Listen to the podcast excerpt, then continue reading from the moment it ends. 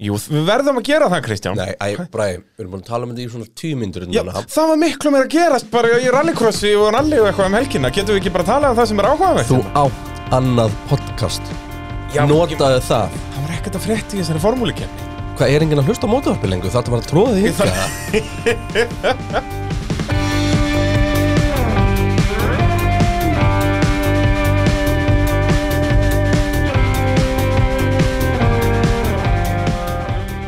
Jó, Peturinn hilsar hér eftir uh, Steiru fjallakappasturinn Steyrufjallakampaksturinn, annar steyrufjallakampakstur uh, sögunar Ég var í vesinu með alla helgina sko Já, Ég var svolítið að vinna með uh, stýriu kapasturinn, steiru kapasturinn, steiru fjallakapasturinn, ég austuríki man eitt. sko, ég- Við googluðum þetta eitthvað hérna á síðast ári Já, það var ekki til neitt sem að hétt steira eða eitthvað, neitt, þú veist, Nei. þetta er bara eitthvað styrian. Og sem að ætla að eigi við um sko steiru fiska, því að þeir eru búa svo sannlega í vötnum að það sko. Já En steyru, þú veist, styrjan, er þetta ekki bara í rauninni fylg í Östuríki? eða? Eða er þetta bara svona eitthvað svæði? Eitthvað svona svæði sko. Já. En, uh, já, skemmtilega er að uh, ég er með bíhund sem er svona sögumæður, Já. hann ætti að vita þetta. Eigum við að skella okkur bara í söguhotnið það? Já, Þetta var annar uh, styrneski kappaksturinn sem haldin hefur verið sá fyrsti fór fram í fyrra og uh, þar uh, vann uh, Lúi Samvaldón. þar vann Lewis Hamilton og þar með er lestir lokið Takk fyrir Já, Það, það þarf ekkert að flagja þetta en sko mestu skellurinn er að jú, ég hefði getað að tala bara um austuríska kappaksturinn almennt Þannig ég geti gert það í næstu viku en ég held að ég verði heldur ekki með sögu að þá sko Það Nei, er alltaf þú mikið ert- að gera hjá bjösvininu núna sko já, ert þú henni svín núna? Já, það er bjöhundur, þú veist Nei, þú er maður- B-svín, ég til í það. B-svín eða það ekki Bjösvinu og, Svín. og, og káselurinn Það geti, Þetta getur ekki Þetta er klikkað. endar sko, þyrftum eiginlega að uppgreita þetta fyrir hvert tímabil Já, ég er alveg, ég get akkurat þetta bara hvernig helgi, sko, þetta er það er nóg til að dýrum Já, en þú veist, ég, ég held að fólk ætti sko, fólk ætti bara að fá að kjósa En Já, það er svo leðis Já, það verður að vera hægt að búa til dýri úr blöðru það er algjörð líkilandri En ég minna að ef maður er með rétt að lusta minn í það verka þá geta þér búið til hvaða dýr sem Og er ekki erum við með einhverja umkjæði eða Ó búa nei, til, búa til með, blöðrudýr við fyrir erum með elitun í þessu Pitturinn að sjálfsögðu tekin upp í Nóa Sirius stúdíói podcastaðurinnar, í bóði verkværasölunar Viaplay, Ólís og Bónstofunar döfum mínar og herrar Þetta og- getur gerð betra Það er, það er nákvæmlega svo leiðis uh, Ekkert söguhotn í dag og kann, ég verða að reyna að ná einhverju söguhotni í næstu viku sko. Herri, ég ætla að byrja að hennu sjáta á þetta og vinna okkur í Viaplay Það er svo leiðis Hérna, Vísiris á Viaplay um helgina Ég vil að ránaði með það mm, Horður á það Ég tjekka það eins og því v, uh, D- W Series Já, sem er sem sagt konuformúla Já, þeir eru nú bara Þetta er eina keppni í heiminum sem að er stíluð á það að vera bara svona svolítið veit ekki, sko, ég veit ekki hvernig maður á að orða þetta því að það er einhvern veginn svo þannig að- að ég sem er svo brjálaðislega einhvern veginn sko fókusarar á svona hluti og jafnbreytti og þannig að verð bara pínu stressaðar ef ég bara opna með munnin eitthvað tengt í, ég orða Já, ekkert já. veit en þú veist, hugmyndir á baka þetta var svolítið svona búa til umhverfi Þú veist, mér langar til að nota orðið örugt umhverfi en það er samt fárlega því að það er alveg örugt umhverfi líka að fara í hitt en það sem er bara verið að sína raunum stelpum einhverja svona náttúrulega braut upp að formuleitt og þeir minna brautar að minna þú veist bara eins og ég fyrir í Bara formule 3 leið og í eitthvað rauninni, já. þannig þannig bara verið að opna leið sem að í raun og verið tekur eitt þrep frá fyrir stelpur Já. þannig að þa- Þetta er gert til þess að reyna að íta undir að stelpur komast alltaf Já, og líka Þetta er bara ekki þannig að gert til stelpur þess að hafi búa eitthvað til að horfa upp til sko. Já, þú veist, þetta er ekki gert til þess að stelpur séu eitthvað bara, já, þetta er bara okkar staður hérna Þú veist, Nei, það er ekki, og þetta, ekki pælingin, sko, sko- Ég er í rauninni þannig séð að mótið þessu en samt ekki út af þetta er temporary solution Já, skilur. ég held, en ég, ég er að vona að þessi tímabundna laust verði til þess að það þurfi ekki þessa tímabundna laust Akkurat, og eins og bara með þessar reglur með að þú veist í stórum fyrirtækjum þurfi alltaf að vera kona sest, sem partur á bordi og allt þetta þú veist þetta er náttúrulega ekki rétt en þetta er plásturinn Já. skilur og síðan og á bara að koma okkur á þann stað sem við þurfum að vera á Já, Eigum sem að þetta vera á. eigum að vera á bara það er búið að vera ójafnbreyti í heiminum síðustu 2000 árin eða meira reyndar að að þá er alveg komin tími til að hafa jafnbreytti núna sko. Já, já, ég skal alveg gefa frá mér fullt af hlutum og Vitið hérna en þetta er Við erum náttúrulega samt- ekki eini staðurinn Extreme E er að vinna með þetta líka þar er bara Já. einn kall og einn kona í öllu liðu þú verður að hafa sest, bæði einn kall og eina konu Sem er bara gegja já en þú veist það sýnir líka vandamáli við þetta að það er ennþá út af þessu já bara hvernig við ölum upp börn okkar að það er skilur ef að litli krakkin er í með bleikan borða utanum sig en ekki bláan að þá fær hann vorkun ef hann fer að grenja en, en ef hann er með bláan borða utanum sig að þá kemur að láta heyri í sér strákurinn og allt þetta og við gefum uh, stelpunum Barbie og, og strákana bíla og allt þetta að þá eru stelpur bara á hæsta level allavega að verri ökumenn en strákar það er Ennþá. ennþá en það, allt þetta er til að gert til þess að breyta því Það eru samt alveg til undatekningar sem að Já, algjörlega sem að- sem að En þú það veist eins og sko í Extreme E er þetta þú veist, pínu svona skrítið að horfa á þetta út af því að konundar eru alltaf það er eins og er sig á verri bíl sko. Ég meina þú ert annars vegar með Sebastian Löb og hins vegar, þú veist bestu konu í, í þetta jobbi í heimi Já, þú ert skilurðu. annars vegar með bestu aukumann alltaf tíma jafnvel og hins vegar bestu konuna Já, ég fatt að Já, já. Algjörlega, en vonandi eins og þú segir er þetta bara mjög tímabundin plástur En, akkurat núna, mér stundar sko formati á þessari keppni mjög cool Já, býtu, er þetta ekki, þeir eru með svolítið mikið af eitthvað svona gimmicks, mann ég Með þetta er aðalega bara spurningu það að sko þú ert ekki hjá liði Já, já heldur, og ert aldrei með sama þú veist, tæknistjórun þetta bara Já, rúlar þess, þetta hringinn. sviss, já, og líka, sko, þú veist, er þetta ekki, sko Sú sem er hröðust í einhverjum æfingum eða tímatökum Að þau sem eru hægust mega fá a- öll gögnin frá Jú, þeim sem allt eru data, hröðust já. Þannig að það finnst mér líka töff, sko Já. Til að gera þetta allt jafnt Já, þannig að þetta er, þetta er, þetta er skemmtilegt sko Já, En, ég þarf að eh, fara að kíkja á þetta já, þetta er fín hugmynd sko Þetta er fín hugmynd og uh, verður aftur á spilvíkubröðunum næstu helgi Já, ok, kækja Þannig að, og síðan var bara fullt af mótsporti á Viaplay um helgina Já, það er bara, og íþróttin, þeir eru náttúrulega með Copa America Já, það er ekki þessum að segja okkur frá því Bara heyrðu já hérna bæði, þeir eru að fara að lýsa formúluna Svo beint á eftir, þá er DTM og uh, Ferrari Challenge og Vísiris Já, flott, Bara bing, bara búm ekki hefum kannski geta sagt frá því fyrirfram En þetta er alltaf tínastann inn Þannig að uh, Já, þetta, er, þetta er verður eina viti aðal sko, höppið fyrir íþróttir Þú veist, eftir ár Mögulega Þá verður þetta allt komið þarna held ég, sko Það- þú veist, ég fagna bara að fá þetta er svona pínu þetta er svona pínu júrasport feelingurinn Já. með þetta nema að ég þarf ekki að horfa á það skilur Akkurat. þannig að þú veist, allt í hennu getur dottið inn í bara einhvern kappakstur já. og já, flestir sem þekkja mig vita að ég hata það ekki Nei, nei, höfum það ekkert Það er rót að segja það uh, Það var Max Verstappen sem að vann þess að keppni er það ekki það er uh, hárrétt Já, sko strákin, þetta veit ég Þó eh, ég, ég var ekki að horfa já, þú varst að skemma rallybíla var það ekki Já, nei, ég var að horfa á rallybíla skemmast váka, var mikið um það maður Það, það var á laugardeginum, síðan var ég að horfa á rallycrossbíla skemmast á sunnundeginum. já. þú ert svolítið í þessu Já, það hafður eitthvað verið í því. Það er f- lítið sem þú getur að sé skemmast í formúlunni en uh, bara svona til að hleypa braga aðeins hérna úr uh, snörinni þá er hann nú samt sem að er búin að fara yfir allt sem gerist Já, já, ég, ég horfði að keppna eftir á og svona og, og veit svona sirka bát hvað gerðist, það er uh, óvænt að segja það. Ég Ég var næg alltaf að að- vera með þér á sunnudeginum næstu helgi. Já, nei, veist þetta var brákitt Fuck you. Við vantaði þess að meira spennandi keppni svona þegar ég var solo sko. Já, það er nefnilega líki landriði sko, þegar að maður er einn, þá er, það sleppur alveg að það er allt að gerast. Já, Ah, já, já. En ef þú þart filler materiala, þá er gott að hafa eitt bjösvín. Já, eins og hérna, sko, eins og æfingarnar voru að út í að var alltaf þessi ógnaf rigningu alla helgina já, já, Það var alltaf að vera að drífa sig að garantera klára bara á sunnudeginum, er þið alltaf Já, og, sko. og bara, þú veist, 80% líkur á rigningu í einhverju æfingu og komið þrý dropar og eitthvað dót, sko Já, já. og hérna, þannig að það var einhvern veginn svona æfingarnar voru ekki með neitt plan einhvern veginn Nei. þú veist, það var bara eitthvað svona, já við þurfum bara að gera eitthvað og allir á sikkuri áallin að gera sikkurt hlutin og maður gæti ekki lesið neitt út úr þessu Nei. því að þú veist, Og það er nú nógu erfitt að lesa út úr þessu í venjum Já. kringumstæðum sko.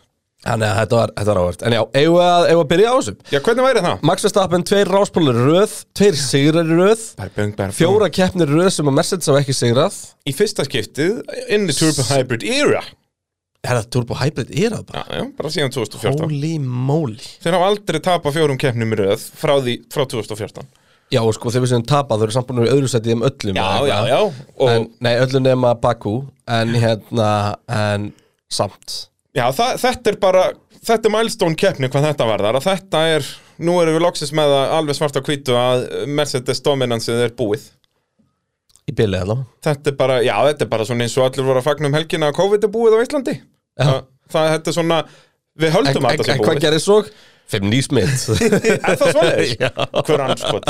Ég er að fara í setni Pfizer núna bara eftir hálftíma þannig að ég lef þetta af. Já, þetta er samt allir fann eitthvað þú ert rosalega rauður og sveittur eitthvað Já, og þetta er, þetta er svakalegt Þú veistum að flýta okkur að taka upp pittin því að eh, B100 verður lítið lýsir að horfa á endursýningar af eh, mótorsport á Víaplæm helgina alla morgundaginn. Það er staðfest, galfest og þunglist Ég er farin að hlaka til, sko Ég er svona, ég, er gæi- ég fer bara á fyllir til þess að vera þunnur, sko Ég er svo gaman að ég vera svona lítill í mér að vorkina sjálfum mér Sko, ég hef aldrei held ég upplifað neitt sem að kemst jafn nálægt í og vera þjónustulíði formuleitt eins og fara í höllina. Já Ú, þetta er geggjað Þú veist, þetta er bara, Þetta er bara, mér leið eins og ég væri í ykkur svona sci-fi bíó ég held að það vera svona 1,7 sekundum. Ég held að ég hef fengið Red Bull, Já, það er það svo leið 100 bí, ekki Peres Red Bull um helgina, bara Red Bull. Ég eins gott að ég fekk ekki Mercedes, þá hafði ég mist hendina á eitthvað Það var alltaf í tóndur Við farið út með nála fast Já, það, næsta, það, það myndi koma önnur hjúka að reyna að ná henn úr og nei, hann sko, ok, við erum bara að senda hann út, senda hann út og svo dettur út einhvers staðar á handlinu. Ligg á, á planinu fyrir þetta lögða þetta svona uh, Já, þessi var með Mercedes Crew Alls, skutur maður. Þetta er stórfenglegt uh, Ég get þá séð alveg næst hvort að reglumbreytingan er að náði í gegn Ég er svona vika eða eitthvað, ég Já, er hvort tværi, að ég það fá að væri fara svona, aftur svona standard Já, væri hérna, fimm sekúndna allir- stopp, sko. Já, það, það er spurning hvort að reglumbreytingin verður komin í gegn Þetta er gaman aðeins í okkur Já, Ég strákunum er ánægð með þig Ó, Herri, en hvað á ég að segja? Max Verstappen var bara langbestur uh, Rafn Erlingsson uh, spyr Er verð stappin að stinga af á töflunni? Já, það er nú bara þetta að reyna það út, sko Já, og svarið við því er já, eins og staðan núna Það sem hann er búin að vinna núna tvær keppnir í röð Já, ertu búin að uppfæra töfluna hérna? Eh, Heldur betur Já, þetta eru átján stig sem eru millir núna Nei, jú, jú, það er rétt hjá þér Ég er samt ekki raskat, sko Nei, ekki neitt Þú veist, Það þarf ekki annað en að Verstappen dett út á fyrsta ring í Austuríki Já, og... og minna, var þetta ekki s- hvað sjöunda keppni tímabilsins, áttunda? uh, áttunda Ég meina af hvað, 23 eða eitthvað það, þetta er, Það er nóg eftir, sko Já, þetta er bara Við skulum alveg Þannig að halda hann er höndunum ekki að okkar. stinga af En þetta lítur ofsalega vel út fyrir Red Bull Já, Og- sérstaklega þegar þeir eru að vinna, þú veist eins og í Fraklandi Þar voru þeir að vinna keppni sem þeir áttu ekki að vinna, sko Já, þarf að vinna kjæða sem átti ekki að vinna Þeir áttu vissulega að vinna um helgina Ég var ekki viss fyrirfram Nei, nei, alls ekki fyrirfram, en sem sagt, þegar maður Já. veit hvað gerðist að þá er En- þetta keppni sem þeir áttu að vinna Og þetta var langmest dominant keppni sem við höfum séð frá Max Verstappen Algjörlega Þetta var bara, hann bara var alltaf að byggja fórskotið og endaði það hvað, í 15 sekúndum eða eitthvað Og málið er bara það að, að sko Hann var miklu, miklu hraðari heldur en Hamilton í keppni Algjörlega Og það sem að kannski maður átti að segja ekkert alltaf á í nútíma Formule 1 er að ef að þessi keppni hef, hef, við hefum verið að keppa þessa keppni fyrir 20 árum þá hefði Max Verstappen unnið hann með 40 sekundum Já, þú veist, hann Já, var kom meira. meira. meira, hann er bara hringað Hamilton eða eitthvað sko. já kannski þegar, Þegar... þetta var mínútur hringur sko þannig að ef það er meira en 40 sekundur það hefur voru 58 sem hann hefði unnið með 59,5 en hérna, en sko málega það, hvernig vinnur nútíma Formule 1 keppnum bestu bílum þú uh, tryggir að vera fyrstur í ræsingunni þú rífið þig út í DRS-svæði Mhm. þú byrgið þig fyrir undercut Já. það eru svona þrjára og hálf sekunda Eh, ekki, ekki segja Hamilton það síðustu helgi Nei Það En er svo þrjára bara, jú, þrjár og hálf til og fimm. hálf til fimm um eitt, Og svo ertu bara þar yep. Og átt bara alltaf meiri dekk heldur en gæðin sem er enn eldaveik Þannig að ef hann byrjar að gera okkur allu þá áttu meiri dekk Jep. Getur farið lengur, getur kert hraðar Getur gert eitthvað Og ég meina þú veist, undir restina þá Var, var ekki orðin- orðið átján sekundar fórsta Já, Verstappen þegar að Hamilton tekur pitstopið sitt Já. Þú veist, Ham, Verstappen Var rétt á eftir Bottas og Peres þegar hann klárar sko. hann, var, hann, Já, hann já, já. vanta ekki marga ringi Í til að að hringa ringa þá, þá, já. Akkurat og, Og- bara, þetta var bara mjög dominant og hann, Hann gerði hefði bara allt sem hann örugglega- átt að gera hann hefur örugglega að ringa Peres ef Peres hefði reynd að hanga svo með dekkjanum allir tíma sko. nei, kannski ekki maður spyr sig Óli Jón Gunnarsson spyr eh, hver er ástæðu fyrir því að Red Bull orðinu hraðar að Mercedes beinumkabla 0,2 sekundur heyrðis mér í talstöðunni er það bara þessi breyting á un- undirvagnin bílsins eða er það eitthvað annað sem kemur inn í þetta þeir eru örugglega að svindla einhvern veginn með Honda Wolf segi það alveg Já, það er bara hann reyndi að dróða úr því eftir helgina Já, en þess að þetta er náttúrulega það komu eh, Uppfærslur. vélabreitingar það komi í nýja Frakklandi. vélar í bíluna Já, í Fraklandi Þannig að það er aðalega það sem er munurinn hann sko. já, það, já, menn þetta sé bara fressvél Nei, nei, nei, bara þess að betri vél og þú mátt ekkert gera það er búið að banna það Nú, þú mátt nei. ekki, þú mátt ekki uppfæra mótoröðin eitt Nei, eina nei. sem þú mátt uppfæra eru hérna svona reliability pælingar En það er og kannski það hægt að finna eitthvað komu loophole. sko. reliability breytingar í Fraklandi Já. en samt fóru þeir ræðar Já, újá, það er bara, heyrðu, við þurfum að setja öllítið meiri bensinin á vélina svo hún endist lengur. Um, eitthvað, Já, eitthvað. það, ég minna, Formule 1 snýst um að finna loopholes í reglunum, skilur, og ef þú Algjörlega. góður í því að þá vinnur og hérna ég er ekkert endilega viss samt sko ég held bara að Honda þórið að kerna harðar eða eitthvað sko Já. þú veist en já, þú veist, þetta var þetta var bara masterclass frá Max Verstappen frá A til U og, Og hvað, ég velti Peres, einu hvað fyrir átti mér hann ekki að vera þriðið eða? Já, sko, ég er að velta einu fyrir mér Jú, Peris átti, að, Peris átti var annar með Verstappen Já.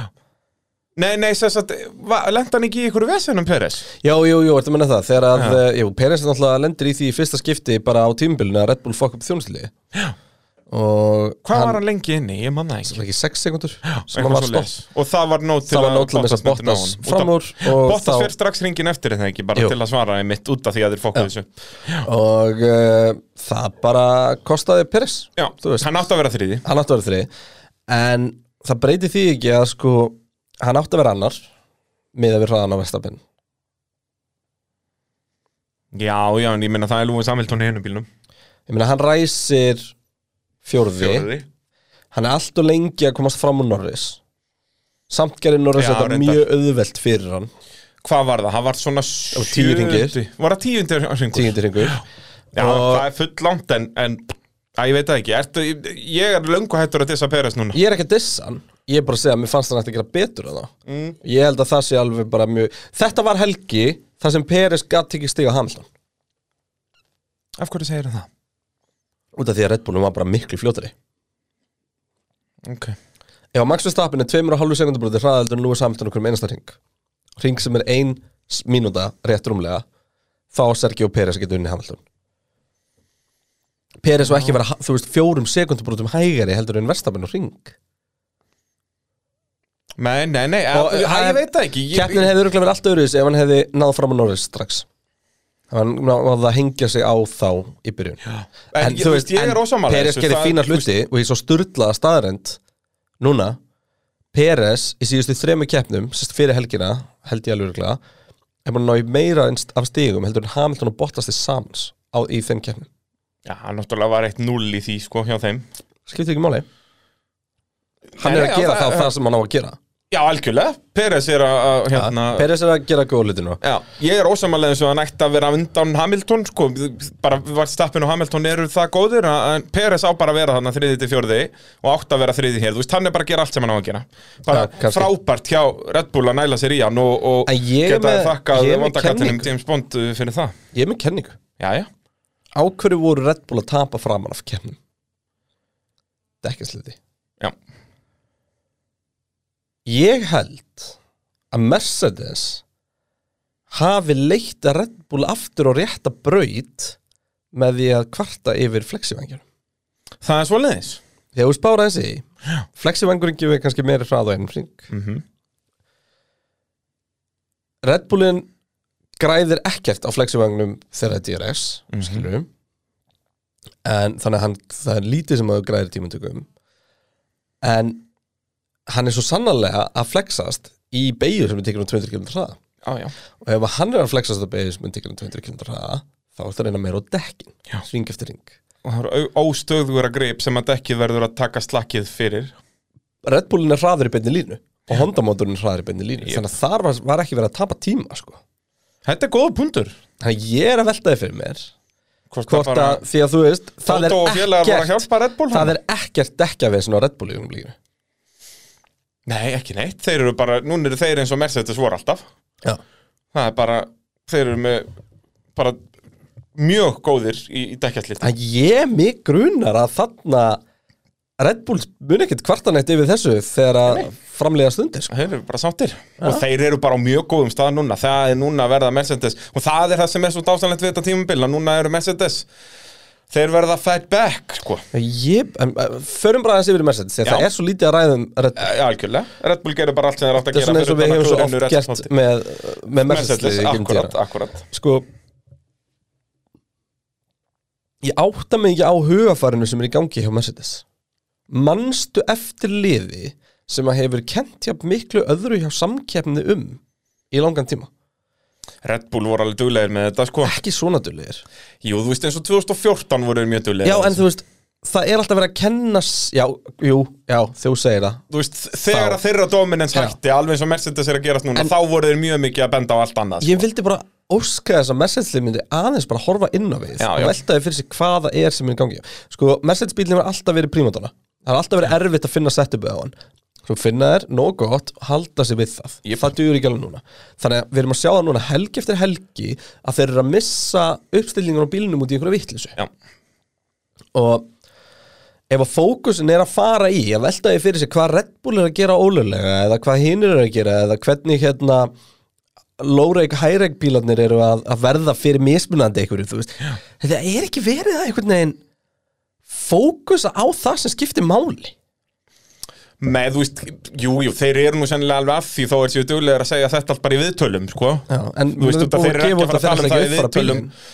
Nei, nei, en, en eins og ég segi, þú veist, þe- þetta lítur svona út af við að þetta sé að eina sem þeir eru að velta sér upp úr en það náttúrulega, þeir fara aldrei að tala um hvað þeir eru að gera inn í liðinu í opinberlega þannig að Já, opinberlega en endar þetta alltaf að vera Mercedes hefur ekki lent í því sjálf þráttur að vera svona dominant að fá svona mikið töð nema mögulega 2008, ég man það ekki nægilega vel en Mér minnir að það hafi verið svipað, þá náttúrulega voru þeir samt aðalega að benda inn á við þess að- sem var bara runovélin út af það var stærsta vesinni en svo Já. voru þeir líka í, í þú veist, Ég, þá var það líka mest voru þeir þá bara út af- sekundu hægir ring út af vél sko. Já, og þú Þarna í veist, og þá byrjun. var sérst, síðan náttúrulega minka þetta over time hjá Red Bull bara eftir að þeir fóru að sekta sig meira við sitt sinn stað, Já, en þarna náttúrulega voru þeir ríkjandi fjörfaldir meistararskil og alveg svo Benz eru núna, að nú eru þeir loksins orðnir nummer 2 Mhm. og þá verða þeir eins og kleinur í framann bara, Þetta er skrítið sko þetta er það Það minnst ekki töf Nei, alls ekki, þetta er mjög leðilegt, mjög leðilegt, ég er alveg samanlegaður þar, þú átt ekki að haga þér svona, sko. Já, þetta er svolítið að benda á allt Mér varst heila, mér varst ó- eitt ótrúlega fyndið að hérna uh, taldum svona hérna þú veist, eftir, eftir hérna að Bottas tók sitt ævintýralega spinn á þjónusvæðinu Heyrðu, já, við þurfum að tala um það, maður. Sko, ég útskýrði aðeins í, í útsendingu hvað gerðist. Hann sérst var beðin um að lifa. Núna er náttúrulega verið að leita af sekundabrótum allstaðar. Og það er að tala um það að Mercedesliði tapi hálfu sekundabróti og taka af stað úr bóksinu. Manstu, við vorum að fara yfir þetta núna í síðasta þætti, að, þú veist, stoppið hjá Hamilton var hraðara heldur en verstappen, en samt var tími hans inn á öllu, öllum pitnum var lengri, skiluru. Og hérna, og það er talað um eitthvað hálft sekundabrót, svona meðaltali sem er að tapast við að taka af stað. Tjóðstu upp að keppni eða komið sekundabrót. Það getur verið öndurköttið eða eitthvað álíka, sko. Jip. um, Þannig að ein tilraunin sem var gerð þarna var semst að Bottas og Berum að prófa að ræsa í öðrungir og hvað gerist þá? Hann missar hann upp í spól og þá spólar hann miklu hraðar og þetta gerist Jip. Mér finnst refsingin og Bottas alveg skiljanleg Já, algjörlega, þú átt ekki að vera að haga þér svona inn á þjónustinsveðin. Nei, það er eitthvað, það er eitthvað off við það sko Já, bara þetta er bara glórulaust, gott og vel að bílinn spóla á staðin, hann var búinn að spóla, hann er að taka beigju og spóla saman tíma, sko, þú veist. Já, og þetta, er, þú veist, þetta er bara, þetta er eini staðurinn á brautinni sem að einhverju óvarinn sko Já. og hérna, og ég minna, þú veist, og allt og svona ekkert eðla blöðlulegt að það er bara maklanlið sem hjálpa honum að bakka í burtu og eitthvað sko Jep. En hérna, En þú veist, 100% á þetta að vera refsing út af því akkurat þetta, þú veist, það er ástæða fyrir að lið fá svaka peningarefsingar og alls konar fyrir að festa dekk ekki um almennlega Akkurat. bíl að þarna er eins og þú segir, eini staðurinn á brautinu þar sem fólk er ekki hann var alltaf varið. að fara að fóra efsir þetta Já, já, 100% og hérna, ég er ekkert endla á því að mér þykir eitthvað eitthvað brot, eitthvað sem að verður að refsa í keppni eða eitthvað, veist, ég er ekki endla á því en þú veist, hann verður samt að fara refsingu fyrir þetta Já, og þarna finnst mér einmitt á aukumæðurinn þarna er þetta ekki eins og þegar að liðið klúrar að festa dekk og þá er það peningarefsing á liðið út af þetta er aukumæninum að kenna Já. þannig að mér finnst þetta bara 100% rétt og refsingin, þetta var ekki dóa mikið þetta var bara, mér finnst þetta mjög fyrr Já, bara mjög basic en, hérna, eftir þetta þá kemur Bottas í fjölmila og fer að tala um að þessi snitch culture í hérna í Formule 1 verða að fara að minka og ég, ég skal alveg að einhver liti við að samþykja það því að þú veist, það er ógslag fáralegt þegar eitthvað þú veist Haas er að kvarta yfir því að Hamilton hafi verið fyrir þeim einhvers staðar eða eitthvað Já, já. skilur þessum er engin áhrif á þá nokkuð tíman í keppnistegum enninu en hérna en svona 40 myndum eftir þessi frétt kom út klagaði Bottas og Nóta og svo Nóta fikk refsingu Þú veist, þetta var eitthvað svona oh. Já, Þú veist- þú veist, þetta er náttúrulega aldrei að fara að hætta neitt, Nei, þú veist, ég þetta, Við veit þekkjum þetta í öllum íþróttum, Já. þetta er ekki bara formúli 1 Þetta er að rosalegt klögu sko, skjóðu Já, já, þetta er svolítið þarna, já, gaman að þessu En allavega, en, en Mercedes voru bara ekki með neinsur og ég held að Hamilton hefði bara gert drullu vel að, að klára þess að keppni öðursætti því að fyrir mér átti Peris að vera annar sko. Já Páll Andrið spyr uh, hvað er að gerast hjá Hamilton og Mercedes, er Hamilton að missa titilin frá sér til Max, er Hamilton ekki nógu hraður fyrir Max? Ég get ekki svarað hvorur er spurningunni akkurat núna Nei, þú veist, við vitum náttúrulega ekki hvað er hraðari Akkúrat nema núna að fara er- á jafnan bíl Akkurat núna, já og það meiri þess að er ekki nóg sjáðu Ricardo og Norris, skilju Þú veist, Ricardo er ekki svona mikið hægar en Norris Ricardo kann ekki kæra formúli já, en hann lítur út eins og fáiði akkurat núna sko. Já, já. og hann kann ekki kæra formúli en hérna, þannig að þú veist Hamilton er að missa titlinn frá, sér- frá sér til Max í augnablikinu, já, en hann er ekki hann er ekki búin að missa það langt frá sér að titlinn sem fann Nei, frá honum nei, þetta, þú veist, hérna, þetta fer upp og neyður en, en já, þetta Red Bull líta helvítið svolít út algjörlega, Það er og Hamilton algjörlega er svoleiðis. alveg nóg hraða fyrir Max það er alveg 100% uh, Á að segja er uh, hverjum vantar að skella sér upp í verkvarðasölu já, Það eru Red Bull fyrsta skipti Ég er fyrsta skiptið þegar þeir að fara að skella sér í verkvarðasölu já, ég veit ekki sem hvað klikkaði ég það var eitthvað með bara vinstra afturhjóli minnum mig Já, hvort hann sé Það er þetta er náttúrulega út af eins og við tölum Þeir voru þarna, lengi Þeir sko voru náði 6 af. sekundur og það er alveg, wow, djöðlur er lengi En Ég held að sko, þegar hann, þeir eru svo snuggir að setja setjandi ekki á og það er svo sjaldan sem hann sér svona eitt Já. að ég var vissum að það hefði ekki náða að herða sko. Já, þú mennar Það var ótrúlegt að horfa á þetta sko. Ótrúlegt. Það, en þeir verður að rífa sér verkvarðasölun að finna út úr þessu 100%. Það er bara svo leiðis Fullt af stöfið þar sem ekki hjálpa. Já, heldur betur og, Þó og, það veri ekki nefnum bara töff vinnuföld sko. Já, Góðar nákvæmlega hanskar. Það er enda hella, ef maður fyrir verkaðarsvöla, það er ekkit eðlilegt magna hönskumar. Bara vinnuhanskar Já, fyrir það er allt. bara allt bara frá garðhönskum bara yfir í uh, einhverja Já, og svona sko, það liggur við að sé eftir því hvort þú ert að fara að klippa birki eða greni sko. það, þú það, veist. Við elskum gott úrval þetta er, þetta er alveg sko ef þú ert, ef þú ert svona yðnar nördi þá er þetta alveg málið sko. Já, það er alltaf og fyrir alls svo konar náttúrulega- kuldastig og eitthvað svona dót sko. wow. gegg, og hittastig náttúrulega líka geggja sko, Og svo náttúrulega erum við með, með eh, Milwaukee sem eru dásamlega rafmagsfarkværi ja, toppurinn Það er bara svo leiðis uh, McLaren Mercedes Landon skrítin Norris. helgi hjá maklarinn ég get, já, vám Því Norris líkur gæi sko. Því líkur gæi Hæ? maður við sögum hann fyrir tímbilið að ef að hann væri og við, þá tölum við aldrei um að hann myndi pakka Ricardo við tölum bara um ef að hann, ætti- aldrei. ef að hann Við myndi vorum að mögulega tala um- ná að vinna Ricardo, Já. þá sögðum við hann væri er world superstjarna. class. Já, Við tölum um, ef hann næra að vera á pari við Ricardo, jafnvel að vinna hann, þú veist, með einhvern nokkrum stigum, yfir heilt tímabil, þá erum við Landon Norris, hann er mættur, hann er ofistjarnan. Já. Landon Norris, hann er að halda þessu lið uppi, Ricardo getur farið heim til sín, sko. Ég meina, hann er með meira en tvöfalt stíðin Hann, hann er með 86 stig, Ricardo með 34. Já. Og náttúrulega Landon Norris, hann er James Bond. Býtu? 0 cross, 0 DNF, 7 stigasæti. 8 Double of seven. Já, var þetta, neða, þá var, sá ég þetta sennilega fyrir helgina. Bara 100% Þetta er En ég mjög meina, cool Já, en er þá mjög er hann bara núna W Hann er þessant lúðarlegasti James Bond allra tíma Já, já, út að hann væri bara Það er ástæðan fyrir dyrkan líka sko Þetta, er, já, bæði það og hann er bara En einn þú bestu veist- ökumæðurinn í Formule 1 í Ef dag. ég hefði sagt þér fyrir tímabili Herru, Landon Norris verið Mr. Consistent Og ekki bara Mr. Consistent í því að vera svona eins og Carlos Sainz var, hann bara skoðaði stig alltaf þegar hann kláraði Já, já. keppni heldur bara alltaf bestur að restinni Já. er hann, búin að lenda, hann, er búin að lenda, hann er hann ekki búin að vera bestur að restinni í öllum keppnum Nei, nei, það var hann var hann ekki í Bakú Já, já, já, já, já, já. Þá náttúrulega var hérna fettilegur þessandi Já, Og eins og hvernig var Mónako var sent á undan honum já, En það já. ekki, hann var Ok, þriði í Mónako Bakú og Monaco Það er Báðum bara það tvær, götubrautunum. öllum hinum þá er hann búin að vera Þannig að sex sinnum er hann búin að vera bestur á restinni af átta mögulegum Nákvæmlega, það er ekki eins og hann sé bara alltaf í stegasætti Heldur alltaf, þú veist, þessi gæi sko.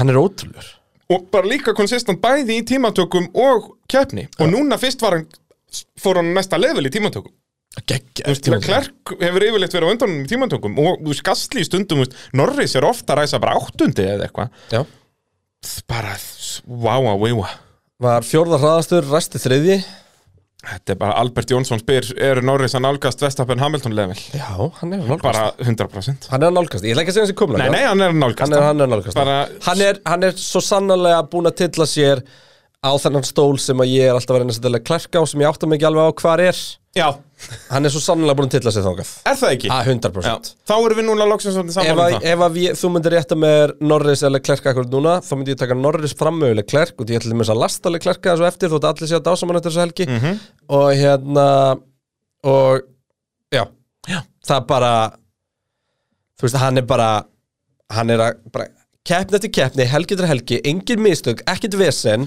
Og meira svo, þú veist, í æfingum og eitthvað við, Þú veist, hefur hann skemmt eitt framvæng á tímabilinu eða? Þú veist, Þessi gæi, hann er bara magnaður það er frábær spurning Pa- Og meira svo þessum götubrautum og allt Þú veist, það, það var aldrei Ég man Það ekki gerist eftir. aldrei neitt með hann Hann er bara alltaf þarna upp þér Þvílgur árangur á þessu tímabili svo far sko Kristján Magnaður. Karl Randversson spyr eh, Hvað olli powerlossinu hjá Rikki Ardó Og af hverju var hann eh, svona snöggur á föstudag en ekki í keppni ég hérna get ekki svarað þér hvað Olli Pálus og Ricardo, því ég bara glemt að skoða Já, ég En held að þetta liðið er myndi heldur eiginlega aldrei gefa það alveg upp pott þetta rafmagnsbylun því að þetta lagaði Þetta svo bara. lagaðist, já, þetta var kontroll allt í Já. lít bara Já, það var bara resettum hérna einhverja skinjar á en- málið sko. end task dæmi. Akkurat. Uh, þetta með að hann var snökkur á föstudag McLaren hafa náttúrulega alltaf verið í tómi rugli í þessum æfingum að veit aldrei neitt einmitt.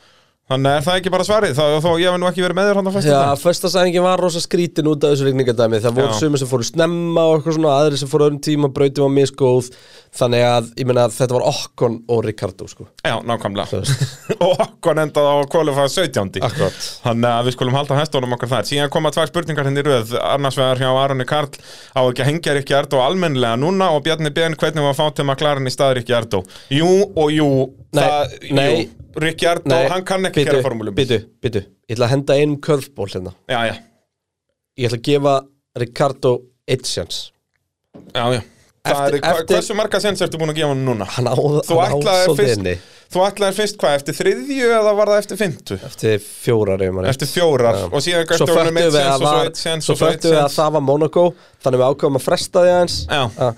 En hérna Þessi það sem gæi er ég- búinn. Það sem ég ætla Ricciardo er búinn í Nei, Formúlu hann er 1. ekki búinn í Formule Víst, 1 víst. Nei, hann, er bú, hann getur búinn í McLaren Ha- þessi, ég, tó- túlkun mín á því að hann sé búin í Formule 1 er það að hann mun aldrei vera meistari þannig að hann er búin, Hann mun aldrei vera mestari Það er rétt þannig að hann er búin í Formule 1 En það sem ég ætla hann á eftir að fara eitthvað í eitthvað svona run á aftur og vera Hann er fínn. í McLaren Það Já, er bara svona runu núna En byrju, leið mér að- leið Já, mér að segja það sem ég ætla að kveikskýta. segja Se- segðu það, Shit sko segðu það Næsta helgi er engin möguleg afsökun fyrir Dani Ricardo.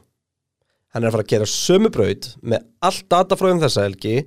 Ef hann segir skilja hvað vandamáli er, þá verður hann núna vikull að laga það, ekki á langan tíma, ekki á stuttan, til að mæta aftur í næstu helgi og bara standa á fokkin velunapalli. nei, bara vera á pari við Norri Já, ég er bara að ígeta smá. já, já. Þú veist, ef hann er á pari við Norris næstu helgi þá skal ég nei, ég ætla Endurskoða ekki þetta. að gefa honum þá skaldu endur skoða það. Þá skaldu gefa honum líflínu. ég sk- já, Þannig að býðum aðeins, Ég hann skal er, gefa komin, honum hann er svo koll. sannlega komin í snöruna hérna í stúdíónu já, ég skal gefa honum koll en hann er samt Nei, þarf hann, að er, standa á hann, er tám með, hann er með kollin þangað til ég En þú lækka hann mátt, þú mátt sparka kollinum Eftir næstu helgi ef hann skýtur Já, en ef hann er bara par við Norris mun ég lækka kollin þannig að hann mun þurfa að standa á tám og að vera komið góðu þrýstingur á halsin ah. Það er bara svo leiðis Herri, hérna, ef við höldum aðeins áfram um, Býtu, hver, hver var með hinna spurninguna? Hvað var hinn spurningin? uh, Bjarni Ben spyr uh, hvernig var fátum að klara hann í staðrykki Ardó Ok, hvort erum við að tala um Bjarnar Ben fjármálar á þeirra? Eða, Eða Bjarna Bjarnar Ben Ben, the myth, formúlu- the man, the legend DJ Bjarni Ben, förstasplaylist og allt það Þetta er allt frábæra spurningar hefur Kristján Þannig að við þurfum að spyrja spurningu bara tilbaka Þú ætlum vona að þetta sé förstasplaylist af Bjarni Ben Ég Það er vona að þetta sé geggjaður Bjarni Ben, sko. Ég vona að það sé bara saman manneskjan Nei, þetta er örugglega allt Bjarni Ben á Twitter sko, sem allir fara að drulla yfir þegar að fjármálar á þeirra gerir eitthvað Ég held að þetta sé Isot One Já, uh, kemur ljós uh, Gæti verið Ég er kannski til í að bara sleppa að leita því því mér- þú veist, mér þetta er mjög töff að það væri báðir þeirra Ég ætla bara að segja Bjarni Ben Mér, mér er alveg saman hvað það segir Já, og sér Eh, er Katrín hvernig er að Jakobsdóttir þetta með spurningu Ferrari hérna, hvernig að fá eh, til McLaren í staður ekki Ardó bara einhvern annan, einhvern sem kann að gera formúlubíl það er fínt Kastli Gastli, það verður geggjað, hann kann að gera formúlubíl annað en Ástralin Já, fór nú ekki langt um helgina nei, nei, en eh, uh, Ég veit, ég veit, ég veit, ég veit Við- það- við- Ég er alveg að koma að því heldur betur uh, En fyrst ætlum við að tala aðeins um Ferrari Ég þar nefnilega kem ég að þessu Já, já, en Ferrari náttúrulega grættu núna á maklarinn út að þeir eru með tvo ökum Ég, sem ég, kunna að ég, gera ég vil framöðu mjög gaman að hvernig þú, þú skrifar þetta í skjæli bara ferri að græða um helgina með því að hafa tvo ökumenn sem kunna að kera annað en maklarinn Það er svolítið, og það, það sést líka vel á stigunum Klerk með 58 og Sainz með 50 Þannig eru henni blekki með einhvern ástrala sem kann bara brosa en ekki kera bíl Sko, það er helling sem við getum rætt um ferri um helgina Heldur betur en það er alveg bara einn hlutu sem við þurfum að ræða Jæja, hvernig fara Ferrari frá því að vera geggjaðir í tímatökum og ömulegur í keppni yfir í að vera ömulegur í tímatökum og geggjaðir í keppni það er mjög góð spurning út af því að, þú veist, Frakland var að vissulega svona blip hjá þeim bara, það það var svona b- bara jokerbraut fyrir þá en núna, eins og þú segir að þetta er búið að snúa þessu við sko. að þeir voru sérst kvalifæðu 7. og 12. og enduðu 7. og 7. Þetta meikar ekkert sens Nei, ekki neitt og líka bara á tveim vikum sko. ja.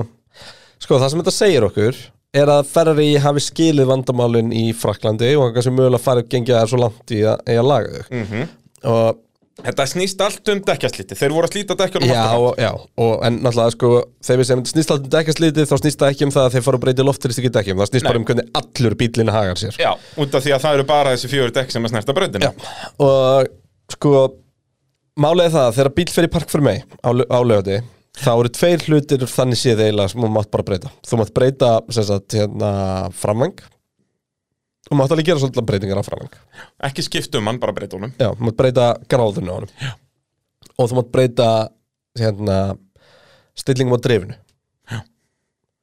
það er alveg bara eina sem mátt breyta Já, já, og það er ekki eitthvað svoleiði sem að breyti bílnum svona fundamental Nei, þannig ég er að segja sko þannig að Ferrari eru ekki að ná hausnum sinum í kringum sko það, hvernig í raun og veru þú vilt finna hennan hvar gullinni milliveðunum liggur en það að Ferrari hafi náð að taka bílinn frá því að vera ö, ö, frábæri tímatökum með ömulegri keppni yfir í öfugt segir okkur að núna vita, veit liðið hvar veikleikarnir liggja eða hvar þessi karaktereinkenni bílsins eru í raun og veru sem gæti því, þannig bara strax um næstu helgi er bara komin einhver millivíður þannig ég myndi segja að þetta hefur verið frábært skref fyrir ferri Algjörlega í að skilja og þróa bílina eins betur og þá komum við aftur hérna að Daniel Ricardo vinn okkar sem þú elskar og vilt meina að sé eitt bestu ökumann í heiminum um, hann verður að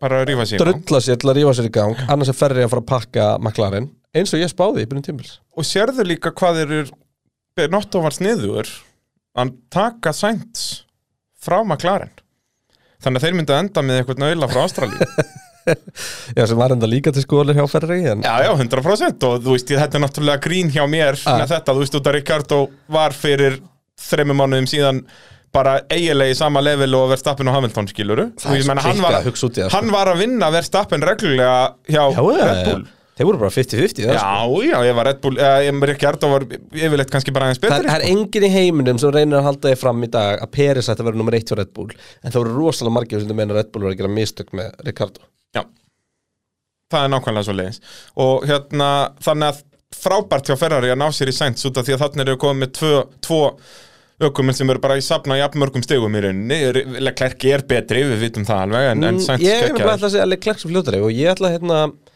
Sé ég ætla að- Hægari þá, eh, Nei, að Leclerc sé fljótari já en ég er ekki endla vissum að hann sé betri Nei, þú, þú hérna varst með einhverja pælingar í, í, í þessu Ætti, ætti ég að- að hérna, byrja á spurningu frá Kolbenni Karli sem er, var þessi helgi ekki bara varnarsigur fyrir Leclerc heldur en stórsigur fyrir Ferrari og, já, og heldur stórsigur fyrir Ferrari og Sainz Vissulega fer Leclerc úr síðasta upp í P7 en Sainz fer líka úr P12 yfir í P6 Er þetta einhver merki um að peysi því að þeim sé bara að batna til munna? Ég voru Vorum náttúrulega þannig að svara að sem tala bara um race paceið en ég er eiginlega til í að svara frekar spurninginni frá Bjarnadag í Va- þess að mikið Var Leclerc að sína okkur og hann er superstjarnar? Nei Nei, Leclerc var nefnilega eiginlega að fara aftur um eitt skref í Mm. bókinni á mér út af því að superstjörnur vita hversu stór bíllinn þeirra er Já, eins og Landon Norris sem er superstjarna Leclerc er 100% að kenna um það að Gasly fellur úr leik hana. mm -hmm. Já, vá hvað það var auðalegt Leclerc gerir það sama við Kimi Rækonen Já. og gerði það sama þetta fyrir ári síðan við Vettel reyndar aðeins Já, svona var nú aðeins þessi, ég ætla að geim, Já, ertu að tala um í Brasilíu þegar ekki nei, Nei. Í, í hérna Östuríki? Nei, Östuríki. það er bara- bara bara aftan á, það er allt annað já, já, Og í Brasilíu var ekkert að kennileg klærku um þetta nei, nei, þá var það En þ- við sjáum bara aftur og aftur og aftur Mistök frá Leclerc Monaco Já og bara, hann er bara of mistakur það er Hann rétt. er bara of hann, mistækur. hann á að vera hættur því núna hann, hvenær byrjaði hann í Formule 1 2018, 17 Verstapin er ennþá samast Nei, Leclerc er ennþá samast á Verstapin er Toro Rosso sko. já, eða svona verðstappen kannski fyrsta sísoninu Ógeðslega hraður En alveg ótrúlegt magn af mistöka Já, Ba- 100% Þetta er bara munurinn á Norris og Leclerc Já. Norris gerir ekki mistök og hann er samt ógeðslega hraður Þannig að þetta er akkurat, þú veist Ég get ekkert sett út á neitt annað í reiskraftin hans Hann er gjössamlega sturdlaður í tímatökum bara Hann er- next level þú veist.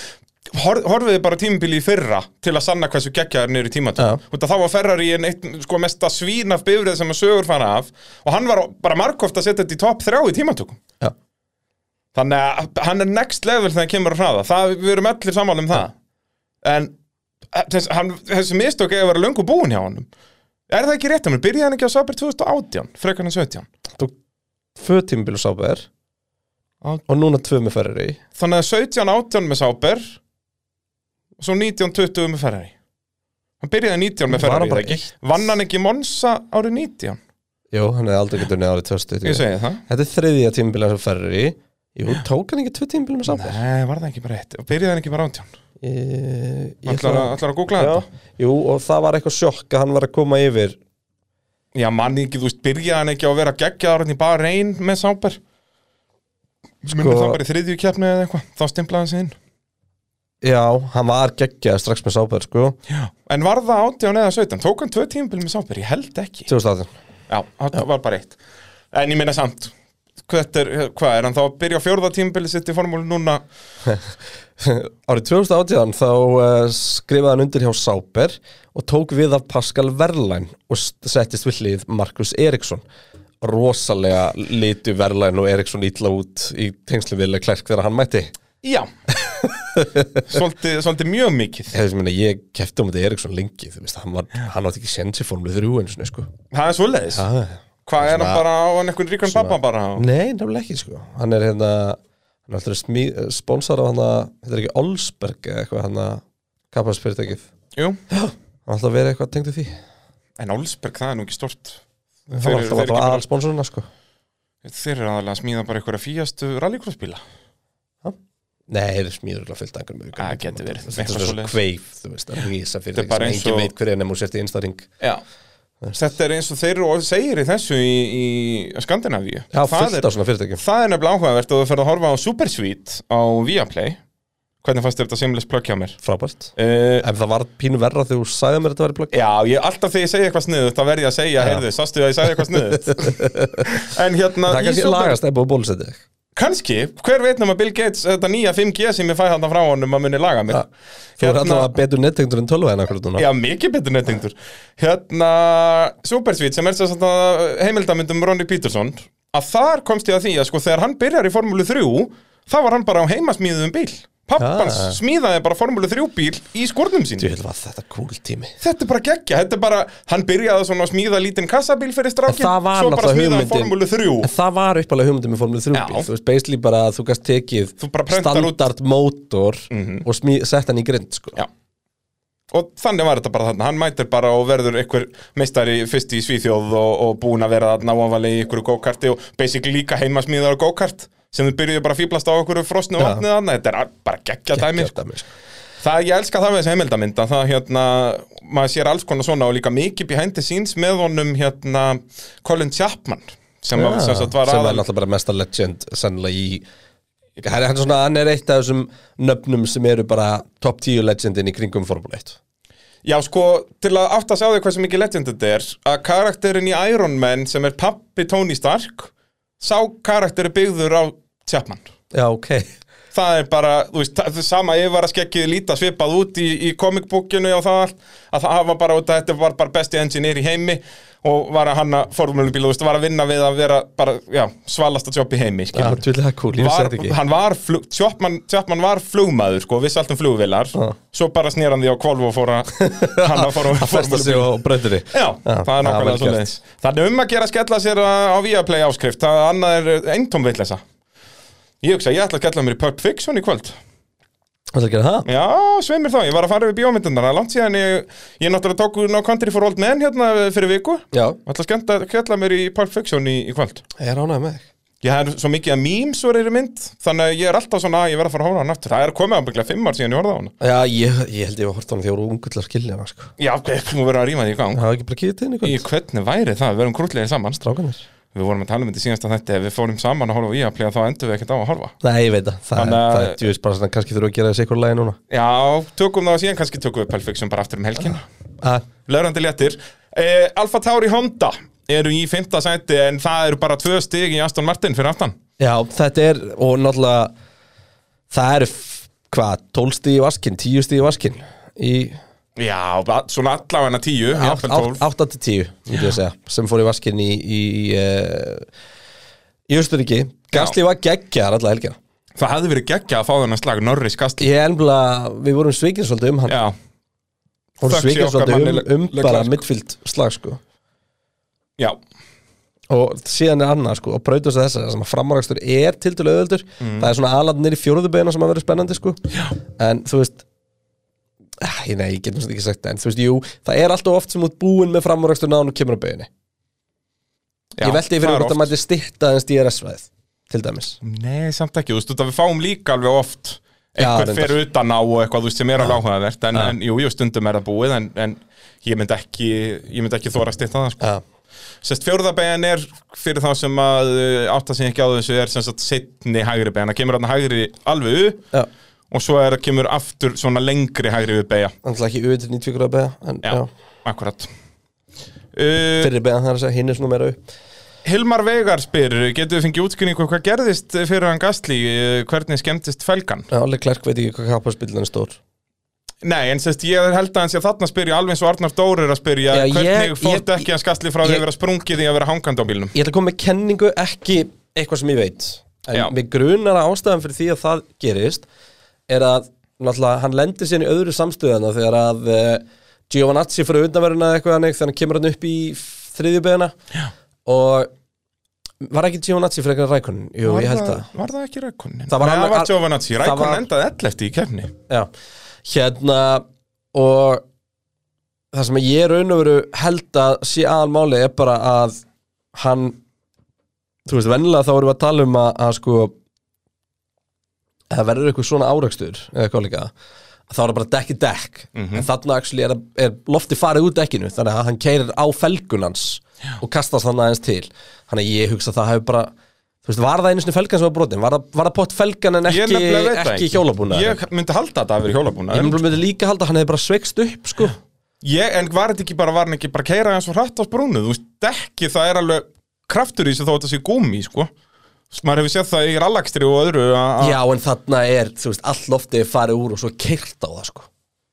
Já, hvort það sé það högg frekar en þú veist Ég held að hann væri bara við að keira ringin á sprungnu aðeins og hratt að hann hafði bara stúta fjöruninni, sko Það gæti verið líka, en þú veist, saman hvað var það var þetta bara búið um leiðuleg klart Já. kliftan sko, og svona út í að með grunar var ekki eitthvað spurninga myndi í Alpín hérna Já, átti Alonso Martakan þátt í atvikinu millileg klærk og gasli, við snum aðeins taka það fyrir Hver var að spyrja þessu? uh, Sigfús Jörgen Oddsson okkar maður uh, Sko, hérna Alonso tekur náttúrulega rosalega dífuðanir í fyrstu byggu Já, en bæði þarna og svo inn á beinakaflunum þegar þetta, þú veist, bæði Gastli og Leclerc fara vitt og Alonso heldur bara sinni stefnu og Alonso heldur ennþá bara sinni stefnu þegar hinsnestingi verður og meira sér Gastli heldur bara sinni stefnu þú veist, það er bara Leclerc sem ætlar einhvern veginn svona að tökka inn á bakvið hann og bara gera það og snemma þú veist, þannig að nei þú veist, auðvitað er Alonso upphafið að aðstæðanum en ég er rosalega hissa að Leclerc hafi ekki fengið refsingu fyrir Gastli já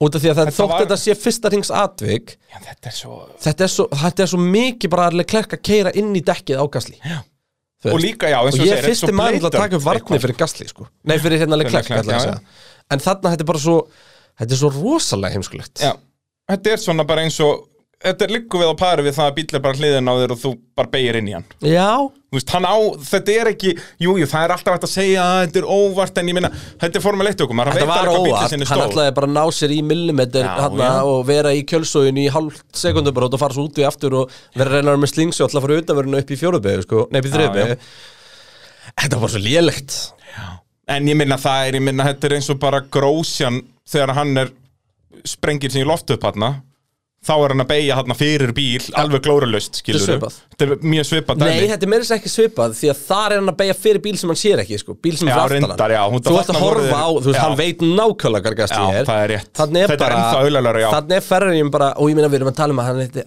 hann er bara 5 cm framar heldur en hann heldur sko. Já, já, en eins og, eins og varst að tala um áðan Klerk veit ekki hvað bílinn sinni stóður sem að er ansið klauvalegt Já, þetta er bara ekki- bara ekki fyrstkitti sko. Nei, nákvæmlega Þannig að, já, þetta er Þetta er klauvalegt Sunóta, hann reysi í ganga lögutegin já. Já, kom, já, og kom sér upp í Q3 var hann ekki níundi og fór síðan Hann niður í var allefta áttundi og fór niður allir eftir Já. Og því að Bottas, hann, hann varð fyrir Bottas í, í Q- Q3 Já, Og, næ, vorkindi gasli svo, Nei, svona svolítið, þú veist, hann, þegar hann maður sér það hann að þegar að Bottas er að koma og hann fattar að hann kom svona, bara gefur hann aftur í og bremsur því hann er eiginlega komin út af og svona "Aah!" eitthvað.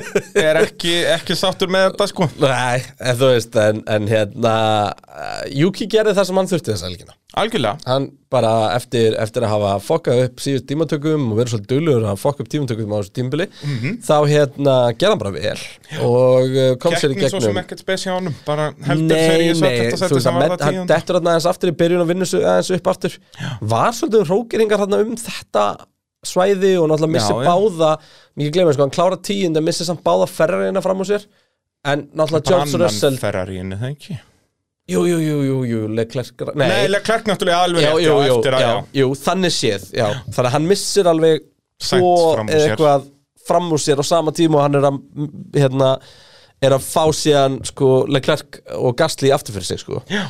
þannig að hérna já, þetta var bara svona pínu eililegt allt hjá honum en nei, það, en, en þú veist en en svona í heildarinn lítið, þá var þetta bara flott helgi hjá Juki og, og Hann bara hann getur var verið mjög spenntur. hraður á köflum sko. Algjörlega, algjörlega Það er bara eh, verður gaman að fylgjast með hann næstu helgi Held ég Já.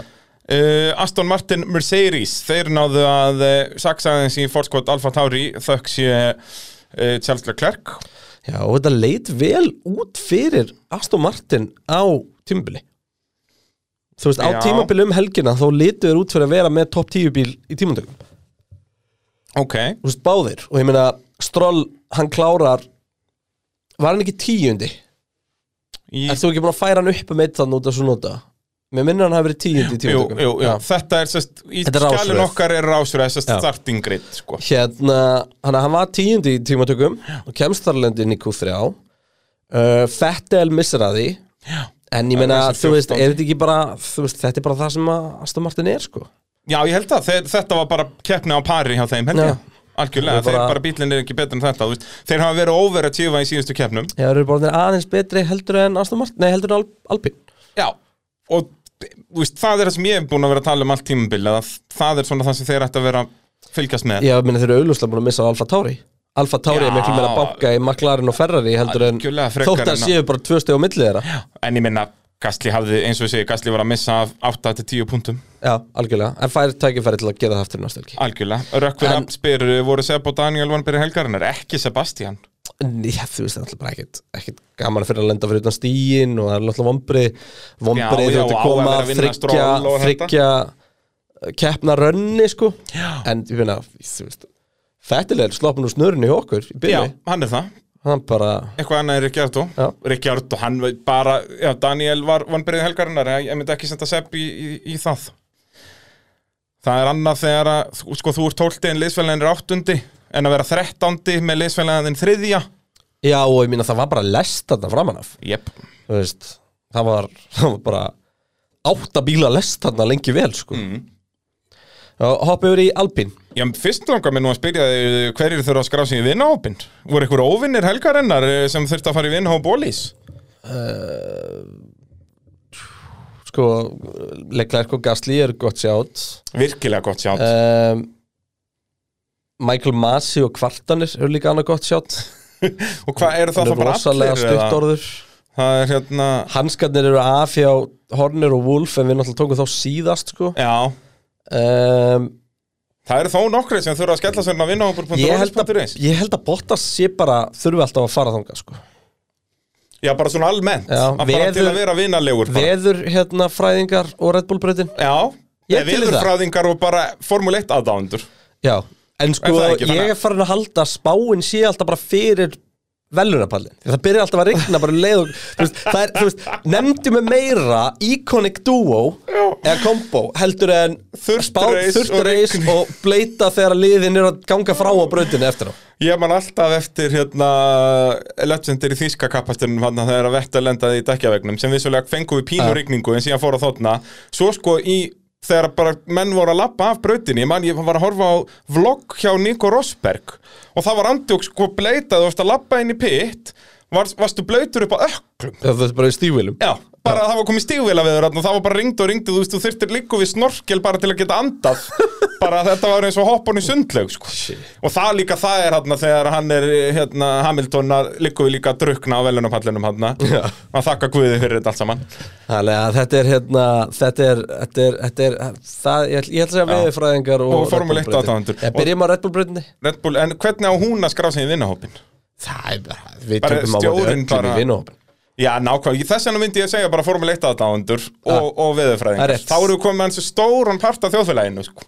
Uh, Já, Þannig að Ég þá ætla- fínt að stórgrófa business að fá allir vinnahópin Sko þetta er eitthvað frýtt Svo þú skráir inn, eh, eða þú skrifar þann sem er hópur, skrifa pitturinn Það fór ennþá mér í afslátt af þetta er bensín bara rugl sko Þetta er bara, og þú veist, tveir fyrir einnig bíó á mánudögum og ég veit ekki hvað Já, afsláttur að Afsláttur tjarbúr á- grillum Já, og allt þetta já, að alls konar bílavörur í Vestlunum Ólís og ég veit ekki hvað og hvað Þurftum við að taka upp sér þátt þegar þú loksist drullast að fara að kaupa þetta grill sem þú ert alltaf að tala um Heyrðu, já, þú, við þurfum að, við gerum þetta bara á Instagraminu og þér Ég væri til í að heyra bara spurningarna sem B-hundurinn er með þegar við förum uh, upp í Rexaland og kaupum, kaupum grillið Það verður, þetta verður, óh, ekki, ekki minnast á þetta og grátandi sko. Við þurfum að gera þetta á Instagraminu og þér Æ, til bara í. Bralli kaupir grill Bara líka upp í grill Þetta getur ekki klika uh, Alpine Renault Já, uh, það er ógeðslega lítið að segja Esteban Okko var í skýtnum eins og Ricardo eftir að hafa Hann var verið í skýtnum í topp þreymur hann í, í æfingu eins og Ricardo En þú veist það bara gekk ekki neitt Minna detta út í fyrsta hlutanum Þetta var og... vest árangurinn sem tímatökum frá því í barinn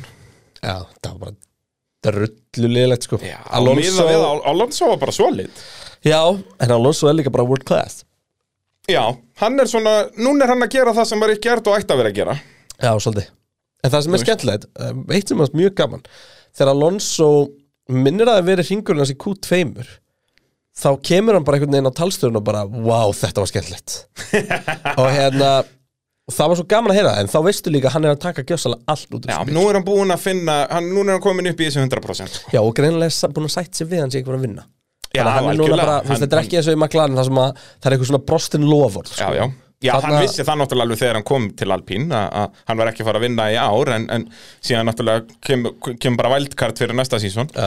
en hérna Alonso sest, hann var svo mikið að tala um þetta í byrjunum á tímabilinu hann var einu, hvert einasta viðtal þá henda hann einhverjum prósentum fram hann var alltaf, já nú er ég svona komin í 85% blub, blub, Já, blub. en hann var alltaf bara til um sig sko. Já, algjörlega Hann bara sem mjög sagt, heiðarlegur. Já, var að tala um sess, hversu mikið hann er byrjaður að geta að pússa bílinn og allt þetta Núna virðist hann vera komin nálægt þessum 100% og er líka bara eins og ég segja, hann er bara solid Já. Hann er að gera það sem við byggumst við af honum Já. En það ekki, að vera þarna, þú veist, hann er ekki í þessum Ferrari McLaren slag En, en Nei, nei, en þú ef að leysfélagana skemmti verið svipaður en hann Að þá ættu þeir að vera að vinna Aston Martin Alla hann að pari, þú veist, Aston Martin er með 44 stig Alpine með 31, þú veist, þeir eru helvíti landa eftir Mm.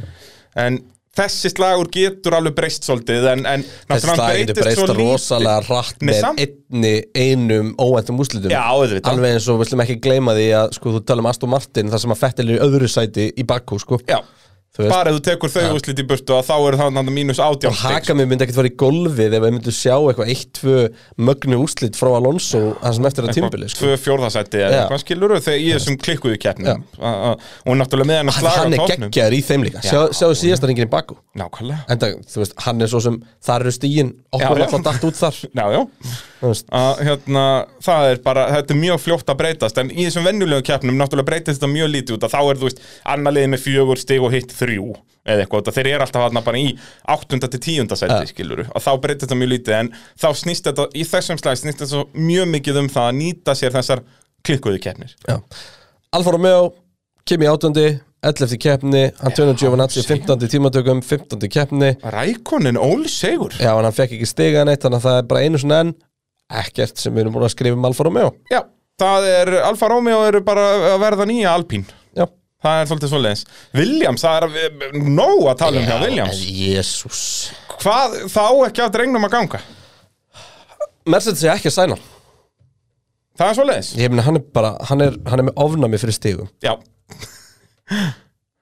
Það er, það er nákvæmlega svo leiðis Hérna, hvað gerðist hjá okkar manni? Hann náttúrulega var geggjaður í tímantökum e- Engin sjokk er þar Sko, ég vissi ekki að Formule 1 mótor virkaði svona Ég bara er búin að vera að læra ný, nýja hluti um Formule 1 mótor núna síðast sólurringin Já, það sem að sem sagt gerist hjá hérna hjá uh, Rössal Russell er að það fellur út þrýstingur á loftkerfi svona háþrýsti loftkerfi sem Hydraulic að- system nei, ekki hydrolikum Það er svo leiðis þeir kallar þetta pneumatic system okay. og það sem að þetta kerfi gerir er að sem sagt, þetta er loftþrýsti kerfi sem lokar vendlunum það er ekki gormur á vendlunum Nei, nei, þetta er loftþrýsti kerfi sem lokar já, já, vendlunum bara ventla þess að já, þetta er alltaf rafstýrt Já, en samt eru þeir allir sko, þeir eru ekki samtegndir eða eitthvað það er eitthvað mjög áhugað, en allavega Já, það er þrýstingurinn, fullt af gödubílum með svona sko. ah, ok, því ég er ekki bjögulerki Nei, nákvæmlega, það er gott að hafa bjösvinnið í stúdíón en semast, þannig að það er engir gormar heldur bara þetta loftþrýsti kerfi til að loka vendlanum og Og það það sem bara misti þrýsting Og þess vegna voru þeir með þess að sprautu þarna Já. að dæla þrýstinga þetta kerfi við vissi ekki einu sinni hvað það var sko. Nei, þetta er dásamlegt, ég elska þetta, lítur, þetta lítur út eins og einhver hafi komið með eitthvað svona úðabrúsa til að eitra Já, þetta er hérna, hvernig orðaðan hérna ykkur uh, uh, Jóhannes spyr uh, er Russell óhafnist ökumæðurinn á grittinu, það geti vel verið hvað var þetta sem var verið að fylla á bílinn hjá Russell í pitstoppinu, við vorum að útskýra það Já, þetta er hérna, hvað Kristinn Axel uh, þurfti að taka tíma í keppni til að fylla bíl Russell með þessari ofvöxnu rjómasbröndu það þurfti nefnilega að gera Já, það annars virkar og svo bíllinn ekki neitt. bara var greinilega komin einhver alveg leki þannig að hann þurfti bara að hætta Já, þetta var ekki sem sagt, eins og þetta leit út framan að hann væri bara að ofita sig við að vera þarna í þessari röð af bílum en það var ekki vandamálið Nei, Það en var taktu þarna- eftir þarna. einu sem er að gerast með Viljámspilin Hann er ekki jafn, það er sérst þróun á honum er búin að vera frá þessu sem að við gaggrindum í byrjun tímbils Já. Þú veist, hann er ekki að viðkamur í mismunandi vindi núna, mm hann var bara Mhm. ókeiranlegur eða bara, þú veist, smá góla og hann höndlar að elta bíla Já, og það þeir eru að rífa eina, sig í gang þarna. eina góða í þessu öllu sem hann er að það eru bara nokkri dagar í að Russell fór einn aftur Já, á braut sem hann er búinn að sanna sig á Já, minna, hann var í sjöundasæti framanaf Já. uh, fyrir svo dettur niður í áttundasætið Þú veist, hversu oft höfum við séð hann vera þarna góðan í tímatökum og svo ef það gerist eitthvað drama fyrir framan hann þá er hann partur af því drama Hann hefði klárað níundi Já, Klerkiðin á framrönum hann hefði farið út til þess að kætt með tvö stygg jöp Já, bara með stig, það er aðalmálið hann hefði, en það er bara, hann er mánami fyrir því Já, þannig þarf rjómasbrautuna og, og, og taka þessi stiga á drengnum, þetta gengur ekki Þetta er- elsku, elsku kallinn djúlfann í til með honum svakalegt En- Einar Sigurður spurði basically á því sama bara með hérna, pitstop, nei já með pitstop reglurnar Já, tökum það sem að Ég ætla Já. að bæta við einu hérna Vá hvað Mér fannst hann flott að sjá Russell koma upp bílnum og hann lappaði bara öllu krúinu svona og knúsaði mm. og maður sá svo innilega og þetta, ég fílaði þetta maður sá svo innilega hvað liði var vonsvikið þú veist. og ég er ekki að segja, ég fíli svo að sjá fólk vonsvikið en maður sá bara passjónið sem er komið Já algjörlega, þú veist, þetta er í rauninni bara akkurat öfugar aðstæðar við, við ímólægi fyrra út að þá var það allt krúi sem lappaði að Russell og knúsaðan núna var það Russell sem fór Já, að en krúin bara og knúsaði þessi það stemming og þetta Williams er að gera góð hluti og Williams er á upplið Algjörlega, það er náttúrulega komin þarna nýjir eigendur og komin Það eitthvað ég, ég held að þetta það sé og- mjög stutt ég vil sjá að Williams sé bara lið sem að þú veist, og Ég ég er vil bara alltaf á strax á næsta nýmiðfildinni, ári sko. sé bara, þú veist svolítið þarna uh, uh, kannski maklarinn ferri allavega Alfa Tauri leveli sko. Já, bara í, á einhverju leveli Það er eina sem ég vil að þeir séu, þú veist, eins og ég segi, bara berjast þarna við eins og í ár uh, Alpín og Aston Martin, svona verið þeim slag Já. og þetta er náttúrulega eins og ég segi, við fáum bara svona vældkart á næsta sísoni, hver nær að tólka þessar nýju reglur best, sko Þannig að- að þetta, er, þetta lítur allt mjög vel út Einar Sigurður hérna var pitturuglið á Russell bara æfing fyrir það sem koma skal með pitstop reglum það er gott sjátt En þessar pitstoppreglur, þetta verði ekkert eitthvað, þetta verði ekki eitthvað 5 sekundar stoppið það ekki, Ég Er þetta veit ekki það bara ekki, eitthvað það 2 og er ekki búið hálf að eða- gefa út almennilega hvernig það verður Segjum þetta hvernig ætlar að stjórna tímanum í þessum pitstofum framtíðarinn Já, það Sko, er þú veist, eina Mér leiðin finnst til að þetta stjórna bjórnlegasta sem þessu að sögur fara af, sko Sko, eina leiðin til að stjórna þessu væri þá að einmitt fara með þetta í alveg eitthvað sjálfvirt og það er bara delay sem er bara tölvustýrt Já, já. bara, þetta er ekki komið á og gefum okkur hérna þrjú sekundabrot og þá má Já, nei. tjakkurinn fara niður og þegar hann er komið niður þá gefum við okkur halva sekundu þú veist, það er eina leiðin til að gera þetta en mér finnst það bara heimskulegt Nei, þú veist, ég myndi gera þetta þannig að það væri bara sérst, það er núna allir með ljósabúnað Já. og hann mætti ekki, það mætti ekki koma grænt fyrir en eftir 3 sekund já, en þú veist, þá er þetta alltaf með lámastíma Já, já, þá, þá getur alveg eins að þetta tíu sekundur já, já og bara spara fullt af peningi, einhverja græjur og dót skilur En það væri bara út af því að þetta er einn af svölustu hlutunum í Já, Formule 1 í dag þetta er Það eitt af eru fyrsta pitstop. sem þú sýnir mannesku sem er að byrja að horfa á formule 1. Nákvæmlega, byrja það á YouTube að hérna pitstop Red Bull, og hvað, hvað Red finnst þér Bull um þetta? pitstop Bara Red Bull á Silvestóni fyrir það, bara bing, bara boom Þannig að hérna, ég er ekki Ég er Þetta ekki bara hlynntur þessu. fáum- Nei, Sorry. þú veist, ég skil þegar þetta eru, þú veist, það er verið að tala um út- af öryggisástæðum En hvenær var síðan slís í pittunum út af því að pizza bóru hratt? Aldrei Það hefur gest að dekk þetta af og jú, þú veist, það hefur auðvitað verið að fyrirbyggja það að við hefum ekki að býða eftir einhver degir heldur að fyrirbyggja döðan Rétt að að, hérna það, að fá dekka þessu þó að bílinn sé á 80 km Er þú hraða einhvern tímann að upplifa það þannig? Nei, það, þú aldrei. Hvenær Þess- hefur dottið þess af vegna finnst mér þetta Hvenær bjánalegt. datt dekki af síðast hjá Red Bull?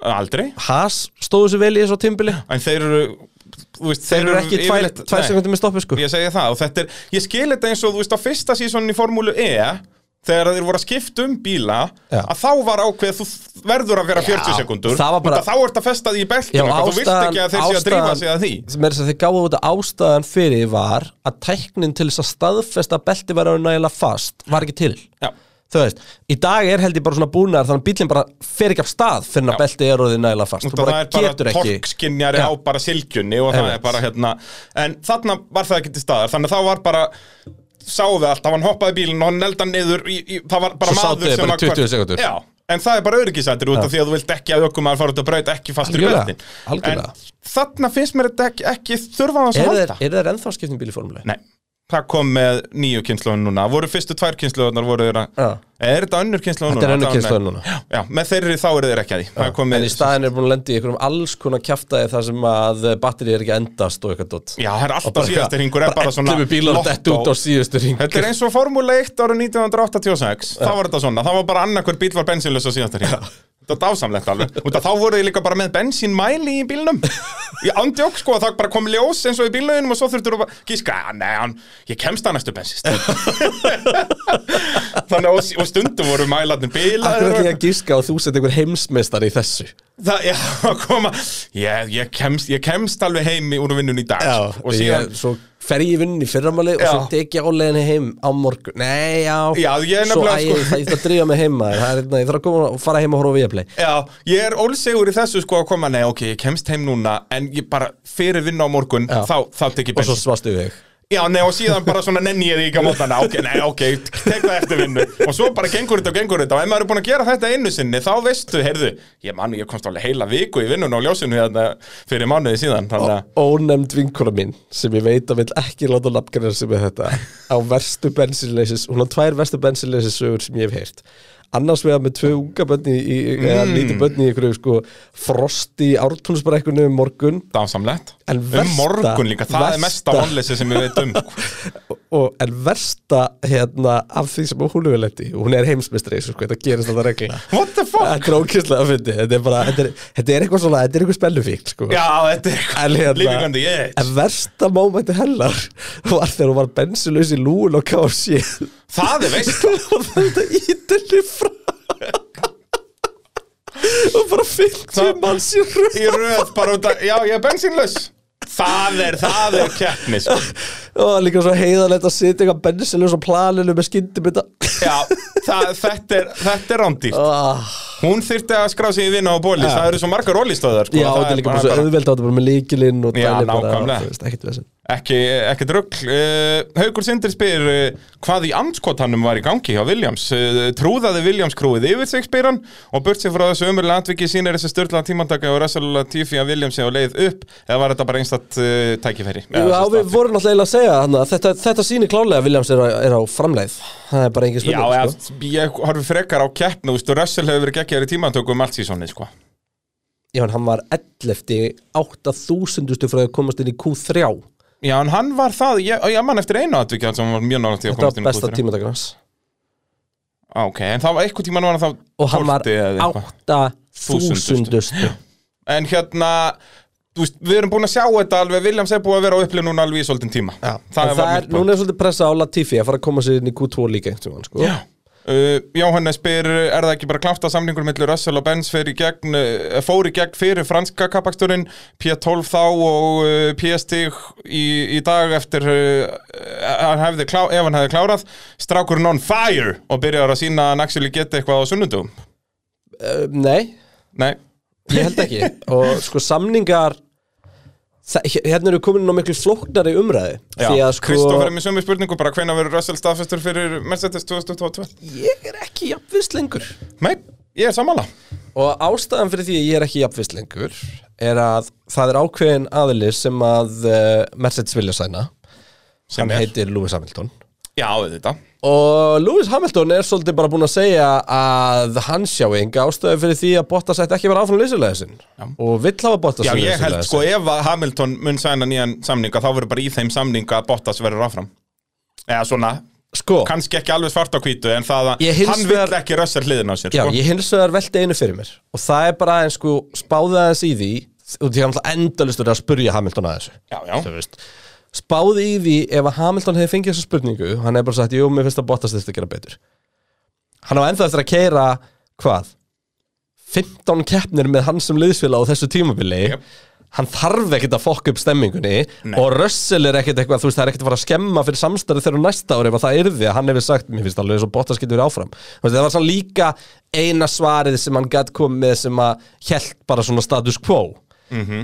en þetta er ógeðslega flókin staðan fyrir Mercedes og við höfum rætt á þur þeir eru með stöðuleika í liðinu þeir þurfa stöðuleika í næst tímpil en aðal gæðin þeirra er komin á þann stað að það myndi ekki nei, koma neinum óvart hann myndi bara segja, heyrðu, mig langar bara að fara að gera eitthvað annað já Já, 100% þannig að Þú veist, ef að hann þá fengi er núna sam- engin framtíð Þú veist, Bottas er alveg búin að sína okkur það að Valtteri Bottas er ekki að fara að leiða þetta lið til heimsmeistar Nei, nei, nei, nei, ekki fræðilegur sko. Hann er ég, geggjaður sko. ég númer hefði tvö. alveg getað trúið í, í hitti fyrir það Já, kannski Því að hann er var, svona, hann, þú veist, já, þegar hann var að enda í öðru sett í heimsmyndarumönduru Og var svona, þú veist, vann alltaf Ástralíu og svona sko Já, hann hefði fengið eitthvað liðsulegin sem var bara á pari við hann eða eitthvað hefði unnið hann þá Nei, nei, oftar nei, heldur, nei, en, það er- heldur en hérna, hann var að vinna keppnir, skilur og þú veist, og sá þegar hefði bara unnum með 20 tíma, Mercedes var langt bestur og ekkert mál en akkurat núna, Nei, já, bara, ok, ef við horfum bara förum aftur í söguna, skilur, þegar Schumacher segist alltaf hætta hann 2006, Já.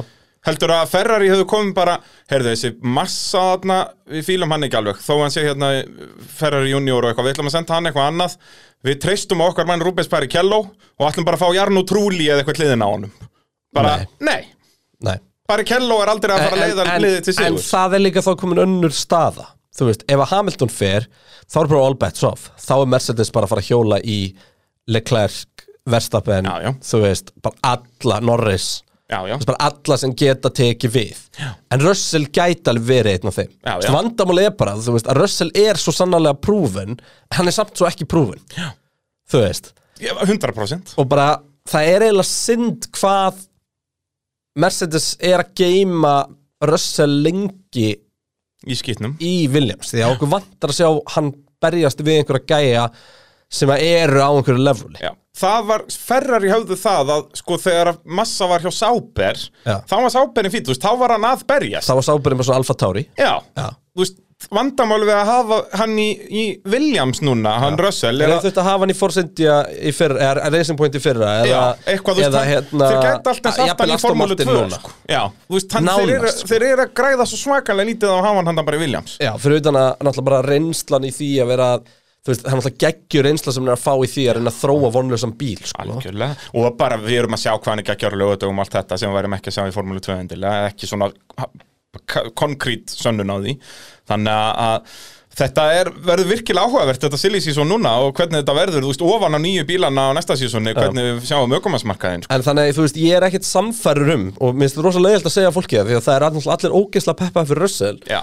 Ég er ekkert viss um að við fáum hann endli Mercedes á næsta ári Ég er ekki, alls, alls, alls ekki miskilum með þannig í þessu útlóka Nei, en þú veist, er það ekki Ég var eiginlega vissar um það fyrir stuttu heldur en er það akkurat núna Þú veist. ég er, í- ég er tilbúin að segja það þannig en ef að Hamilton fer er ég vissum að Russell verði ef að Hamilton verður Já. er ég vissum að Russell verði ekki Já, þú heldur að sé alveg bara þannig ég held að það sé þannig Já. ég held að Hamilton muni Ég held taka að ha- það mjög skýrt fram þó að verða ekki skrifa svarta hvítu í samningum hans en hann mun taka það mjög skýrt fram Hamilton að ég mun mun- hann- ekki skrifa Já. undir samning nema Bottas sé búin að skrifa undir sinn samning það er nóg einhvern veginn fyrir það er nóg fyrir Hamilton að þurfa að vera djöflust í verstafinn sko.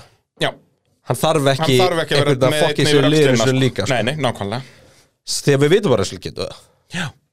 Já, algjörlega, og Bottas er nógu góður til þess að vera þarna bara vingmenn, skiluru Já, og þótt að sko Russell skrifundi samning sem segir bara, heyrðu, þú færði eitt tímbil með Hamilton Já.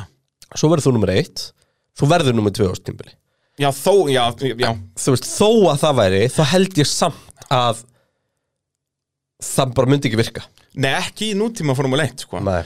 Annað sem er dásanlegt, sko Vesta skellurinn við að ég tala svo mikið um Supersvít á Viaplay að ég mun tala svo mikið um hana ég verð búin að segja ykkur alla myndina áður en þið horfið á hana En þar er eitt mjög áhugavert þegar að Ronny Peterson fer aftur til Lotus þá er Mario Andretti liðsfélagi hans og þá var það í samningnum að Mario Andretti er nummer eitt og þá er þetta miklu meira ekstrím heldur en í dag þá þú veist, eins og í fyrstu tímatökum var Ronny Peterson bara tveimur sekundum hraðar eða eitthvað og Chapman bara, já, nei, þetta gengur ekki við erum að fara að relýsa hérna götubíl í bandaríkjunum og Mario Andretti hann verður að vera andlit liðsins, hann verður að vera nummer eitt þannig að í öllum tíma, tímatökum það sem eftir var tímabils, fekk uh, Ronny Peterson, var, fór bara á eldgömul dekk, einhver hörð og óný dekk í tímatökum bara til að garantera að hann væri á eftir Í alvörunni? og svo bara ef hann væri eitthvað nálætt í að taka fram úr Ma- Andretti þá bara nei, inn í pitt eða bara eitthvað, bara þú kemur ekki nálætt honum og þetta var bara skrifað í samning bara þú ferð á ónýndum dekkjum í tímatökur mátt ekki taka fram úr Andretti alveg sama hvað, þetta er bara eins og að taka fram úr á gulu fjall- f- flaggi, bara kemur ekki til mála og en þú veist, Ronny Peterson að þúsundsunum hraðari sko, en Andretti náttúrulega endaði á að vera meistari ég held að þetta sé sísoni sem að Peterson deyr sem að Andretti gera er það þarna. ennþá súrara Já. Já. En síðan, að, sko, Peterson var það mikill meistari að þeir voru geggjaði vinnir, sko. uh, Að hann Andretti, sætti sér bara við stöðuna já, já, hann vissi bara, Lotus er besti bílinn, en ég sætti mig við þetta allavega í eitt sísón og svo kannski gerum við nýjan samning eftir það eða hvernig sem því verður. Skil ég. Sko. En þetta er, í dag náttúrulega er þetta ekkert svona, þó að þú sért nummer tvö á einhvernum samning, þá, þú veist, Russell geti ennþá verið að rústa honum í tímatökum, skiluru. Já.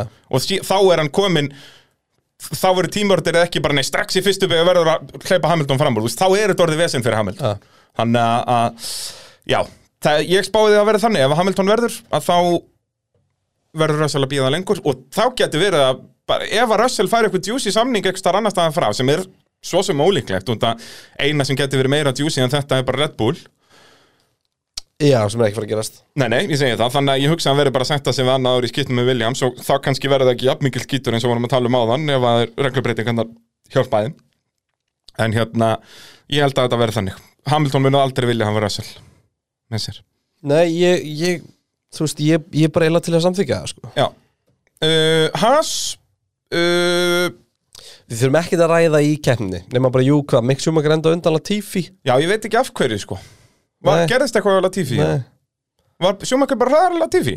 ég maður það ekki Ég horfði ekki á kefnina sko þannig að ég, ekki horfa á mig En ef að Schumacher vann bara Latifi fenni skvera þá er það vel, virkilega vel gert Já, Það er bara Já. svoleiðis Já, Ég- ég vil ég- heila kefni spynnið líka með þessa, þessa bílun hjá Russell hvort það hefur verið eitthvað svipað í gangi hjá Gæti Latifi verið, sko. og maður hægt á honum, sko En síðan náttúrulega stóru fréttindar sko Masipin, hann hlýtur að vera að koma með eitthvað svona PR-mannesku núna eins og ég var að Já. tala um hérna í fyrri, fyrri þáttum Hérna grínið, Já, og að þeir hendi Masipin grín hérna Gunther Steiner og þú hann, vil ekki um til stæðin er frábær leikari hann er geggjaða leikari Vá, En þarna, þú veist, ótrúlegur Þetta er það sem ég, manstu þegar ég var að tala um þetta inn í pittnum, Ja. hann þyrfti að fá eitthvað svona, þú þarft að fara í þennan leggskóla og þarft að gera þetta Já, hún svona til vant- að, vantaði bara eitthvað svona Kristjánina með sér til þess að fara og, og stýra smá peri nákvæmlega, þurfti að bara, þú þarft að bæta ímynd þína Einmitt. og núna loksins er að virðist hann eitthvað að vera að byrja að, að vinna í því Ja. með þessu og, og vonandi bara heldur hann því áfram svo að við hættum að hata hann, eða förum að, hætta hann, förum að hata hann aðeins minna, Já. réttar að sagt.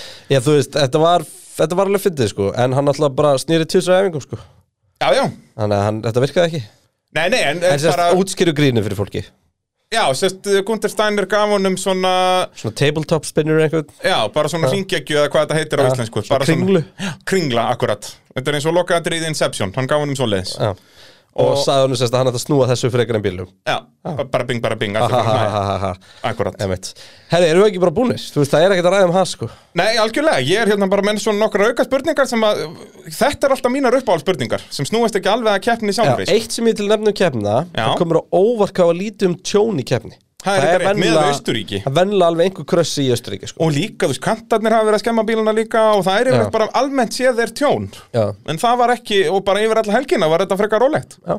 Þannig að vonandi fáum við þá bara tvöfaldan skamt að því næstu helgi Það er svolítið svo leiðis Ívar Örd spyr eh, hvað finnst ykkur um þróun á eh, bílunum fyrir þetta tímabil og svo næsta hvað er virkilega að skepa hvað tjöldin er Red Bull að selja eitthvað eh, eða setja eitthvað minni fókus á 2022 en Ferrari og Mercedes Eh, Hvað með atriðið eins og vélarmálin í 2022 sérstaklega þá Hondan og budget kappið Það og búið svo að- Þetta er alls konar Já, spurningar náttúrulega búið að, að homolegera vélarnar sko Já. Það er einhverja svona smá breytingar sem má gera en það er alltaf þessar tókinbreytingar bara mjög uh, lítið Ég held að Red Bull sé alls ekki þetta eitthvað að salta 2022 Nei, nei, nei, nei, En- enga veginn og... En En Það er rosalega stór gullrót hangandi í andlutnaðum akkurat núna sem þvælist fyrir þeim. Algjörlega, en þ- það er líka hjá Mercedes Mm, Mercedes virðast bara svolítið búin að sætt sér við þetta menn þeir segja bara að það veri engin þróun á þennan bíl Er það rétt?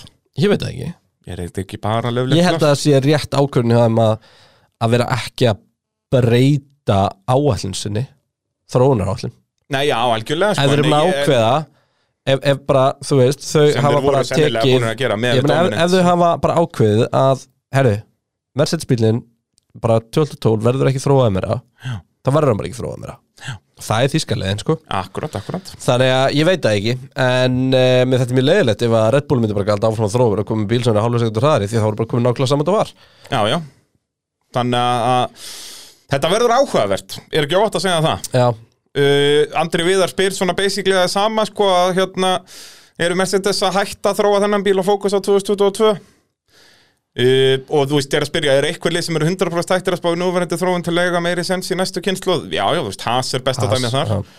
og fleiri öruglega, sko ég meni ég verið mjög hissa við Aston Martin ætla bara að setja einhvern brjálan fókus í þennan bíl sem er bara getur ekki Nákvæm, raskat sko. nákvæmlega, sko, sérstaklega þeir eru komin með resursa og, og geta farið að nota þá í eitthvað sniðut, sko. Og ég held meira að segja að Haas hafi svolítið, nei hérna Aston Martin hafi svolítið á sínum tíma tekið Mercedes-legin að bara kópa bíl Mhm. til þess að geta bara, herru, þetta er bara bílinn farið þinn núna og teknir næsta Ég segi það, fara bara all-in, í- þú veist eins og Mercedes voru bara lélegt lið hérna, uh, Ég myndi vilja svo Ferrari gera þetta líka já, Skiptir algjörlega. enga máli fyrir Ferrari hvort þeir eru í þriðja eða fjóra seti Nei, nei, ekki þegar þeir geta hugsanlega verið að berast á toppnum næsta ári, sko. Þannig að já, þetta er klálega en ég veit ekki alveg hvort hvað við hérna, hvað, við- hvað verður Uh, Ágúst Ungi spyr, uh, af hverju keiraður ekki öfugan ring næstu helgi? sem er frábær spurning Já, en og það við er bara... vorum spurðana fyrir Já, er það ekki? setni austuríkiskapastinu fyrra uh, og við fórum að velta í fyrir okkur man- manni hvaða brauti væri skemmtilegur öfugar Já, en þetta er sættu öryggisandri. Já, það er bara, brautin er hönnu þannig að bílarnir renni í ákveðnar áttur og lenda á ákveðnum veggjum með þá stefnum sem eru í Já. og það er bara, þú veist, það er með að við setja að fara í ákveðn átt Já. að vera á 300 km hraða að koma hérna niður að uh, síðustu begin á brautinni Já. uh, í þá átt það er þetta er þetta lélega stæmi því hún er sennilega svo eina sem var í lægi sko en Já, já, þú tökum, tökum beigð þrjú sem dæmi þetta hérna, ef þú verður að koma frá fjóru beginni bomba þar upp með opinn afturvæng og vinstra megin við því að koma upp hérna beinakablan sérst, frá milli annarar, og- nei fyrstu og þriðu beigð þú veist, að bara vinstra megin þar þar er bara 10 metrar út í vegg Já. og Það ef að endar þetta bara eins og bremsutnaðina grósjan í, í barinn, sko.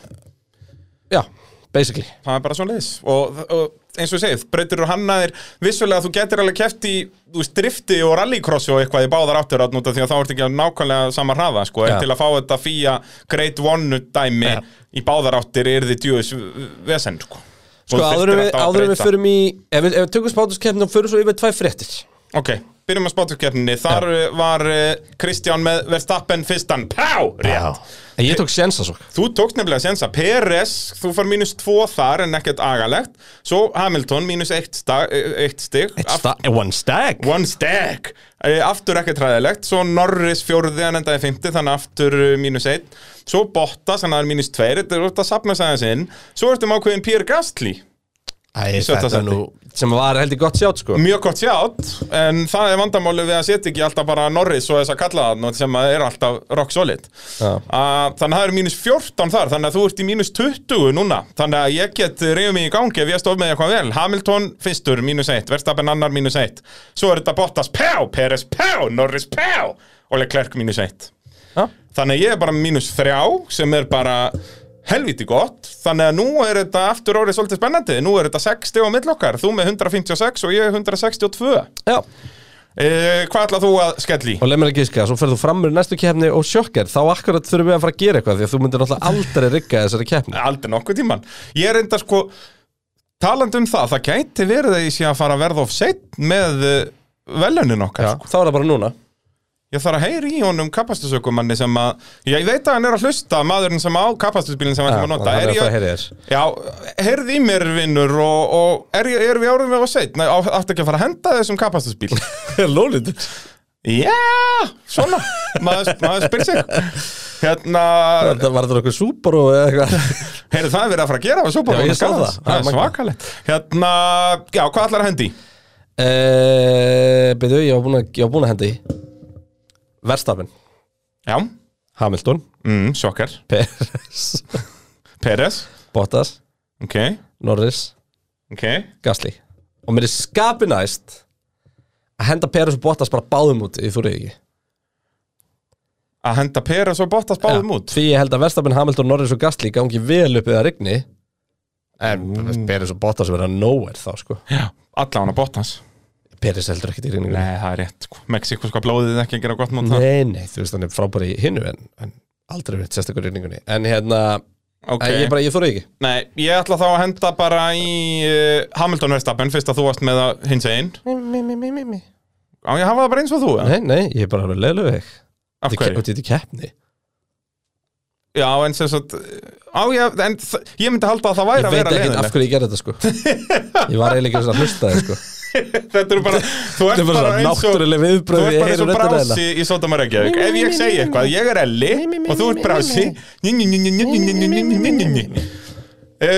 Hamilton Verstappen uh, En ég ætla að fá að rósa það fyrir það að hafa jafna met mitt bara strax keppni setna Já, var, þa- var það ekki þristurinn sem var Já. metið? Ég held það Það hérna Takk, ég er mjög sattur í, í sálinni uh, Svo ætla ég að Þú varst með Peres Bottas, þá bara svissa ég því líka Hef Bottas Peres Sem er agalegt sko út af Peres Já, ok, við, ég vil bara lifa með þessu Svo varst þú með Ég ætla að handa Norris í 15 og hann er alltaf í 15 Mér er alveg sama Við getum eiginlega hægt að um spáum Já, en- fimmtasæti Fara að gera svona gimmick eins og orðið síðast Heldur bara nú sleppu við 15 setin og það er algjör óþarfi Já, ég meina, þú veist, það er bara, við verðum bara að kingja í báðir í þessa einu keppni sem hann dættur út eða eitthvað Já, ég ætla bara síðan að vera með Leclerc, ég ætla bara að hafa nákvæmlega sömu spáa núna En sem sagt, þannig að við erum aftur með sem sagt, Gastli Leclerc hann Þannig að það er svona stóri Þar getum við verið Já. með einhvern stór mínustig Já. Þannig að það er bara áhugavert Ok, uh, Fréttir, uh, Mr. Uh, Christian tvær fréttir, Já, já, Tyrkland mætt aftur ó já Staðið fyrir Singapúr Sem er dásamlegt Þannig að það er þarna koma Reyndar seint, það er ekki Singapúr, bara í- þú veist, er skemmtileg En uh, ég Já, hef sí, samt- við vissum að hún var út, skilur Já, Mercedes fagnar þessu Já, uh, Eru, má ég gíska hverja hinna fréttinnar eru? já Að sé búið að breyta Abu Dhabi Herri, það eru þrjá fréttir Úi! Það er búið að breyta Abu Dhabi Það er ekki, og mér líst mjög vel á Þetta var alveg svolítið áttir en því sem við Já, já, þeir heldur að þeir séu ekki að hlusta á pitin Þeir þessi voru að kallar hlusta á þeirra. pitinn. Það er 100 p Það Vá. er bara sleppa þessum auka hlikkaðna Já. fyrir fyrstu vinkilbæjuna Já, hún verður hérna hún verður höll- hallandi Nei, er það ekki beigjan semst hinn? Það er ekki fyrri vinkilbeigjan sem Jú, er jú, bænt. jú, jú, það verður hún er lengri. bænt setni, já, sorry, Já, sorry sem já, er þarna þessi út í hinum aftan megin, endanum, já. já. Hún verður alveg hellingsbænt, sko Já, út af hún, þeir eru bara að gera hann langa Já. þá verður þetta bara eins og sandvort bara, Já, hérna, ég fylg það þetta er geggjað Það vantaði einhverja breytingar þarna og, og þetta er svo sannarlega játt 100% Og hver eru breytingarnar? Gerina bara aðeins einfaldari, Já, þú veist Já. taka þessu alla auka hlikkina í burtu Nei, og- hitt, hinn fréttin, stóru fréttin er að uh, við förum ekki til Sochi árið 2023 Það er rétt Við förum í uh, St. þetta- Petersburg Já, þetta, þetta er svo vond nafn á braut samt sko Autodrom Igora Drive Igora Drive Það er grótart Þetta, Ha. er- þetta er, já uh, Sko, það er bara svona einhverja smá þú veist, eins og ég skil, þá er ennþá verið að smíða þessa braut Já En Er þetta ekki svona Það er þess að komur hálfgerð loftmynd af henni sko Er þetta ekki hálfgerð svona einhver uh, uh, götubraut eða þú Nei, nei, nei, veist- þetta er bara fullblóm kapparsbraut Ok, ok Og hérna, Og ef- verður þetta ekki bara líf og fjöra? eða hérna, Hvað, sko, þetta kemur 2023? Sýnistum var keð Rangsalis Ok Það er hipp og kúl og Það er allavega Það gæti verið ágætis möguleiki á framrakstri í, í fyrstu byggð þá En svo eiginlega hvergi annars staðar Nei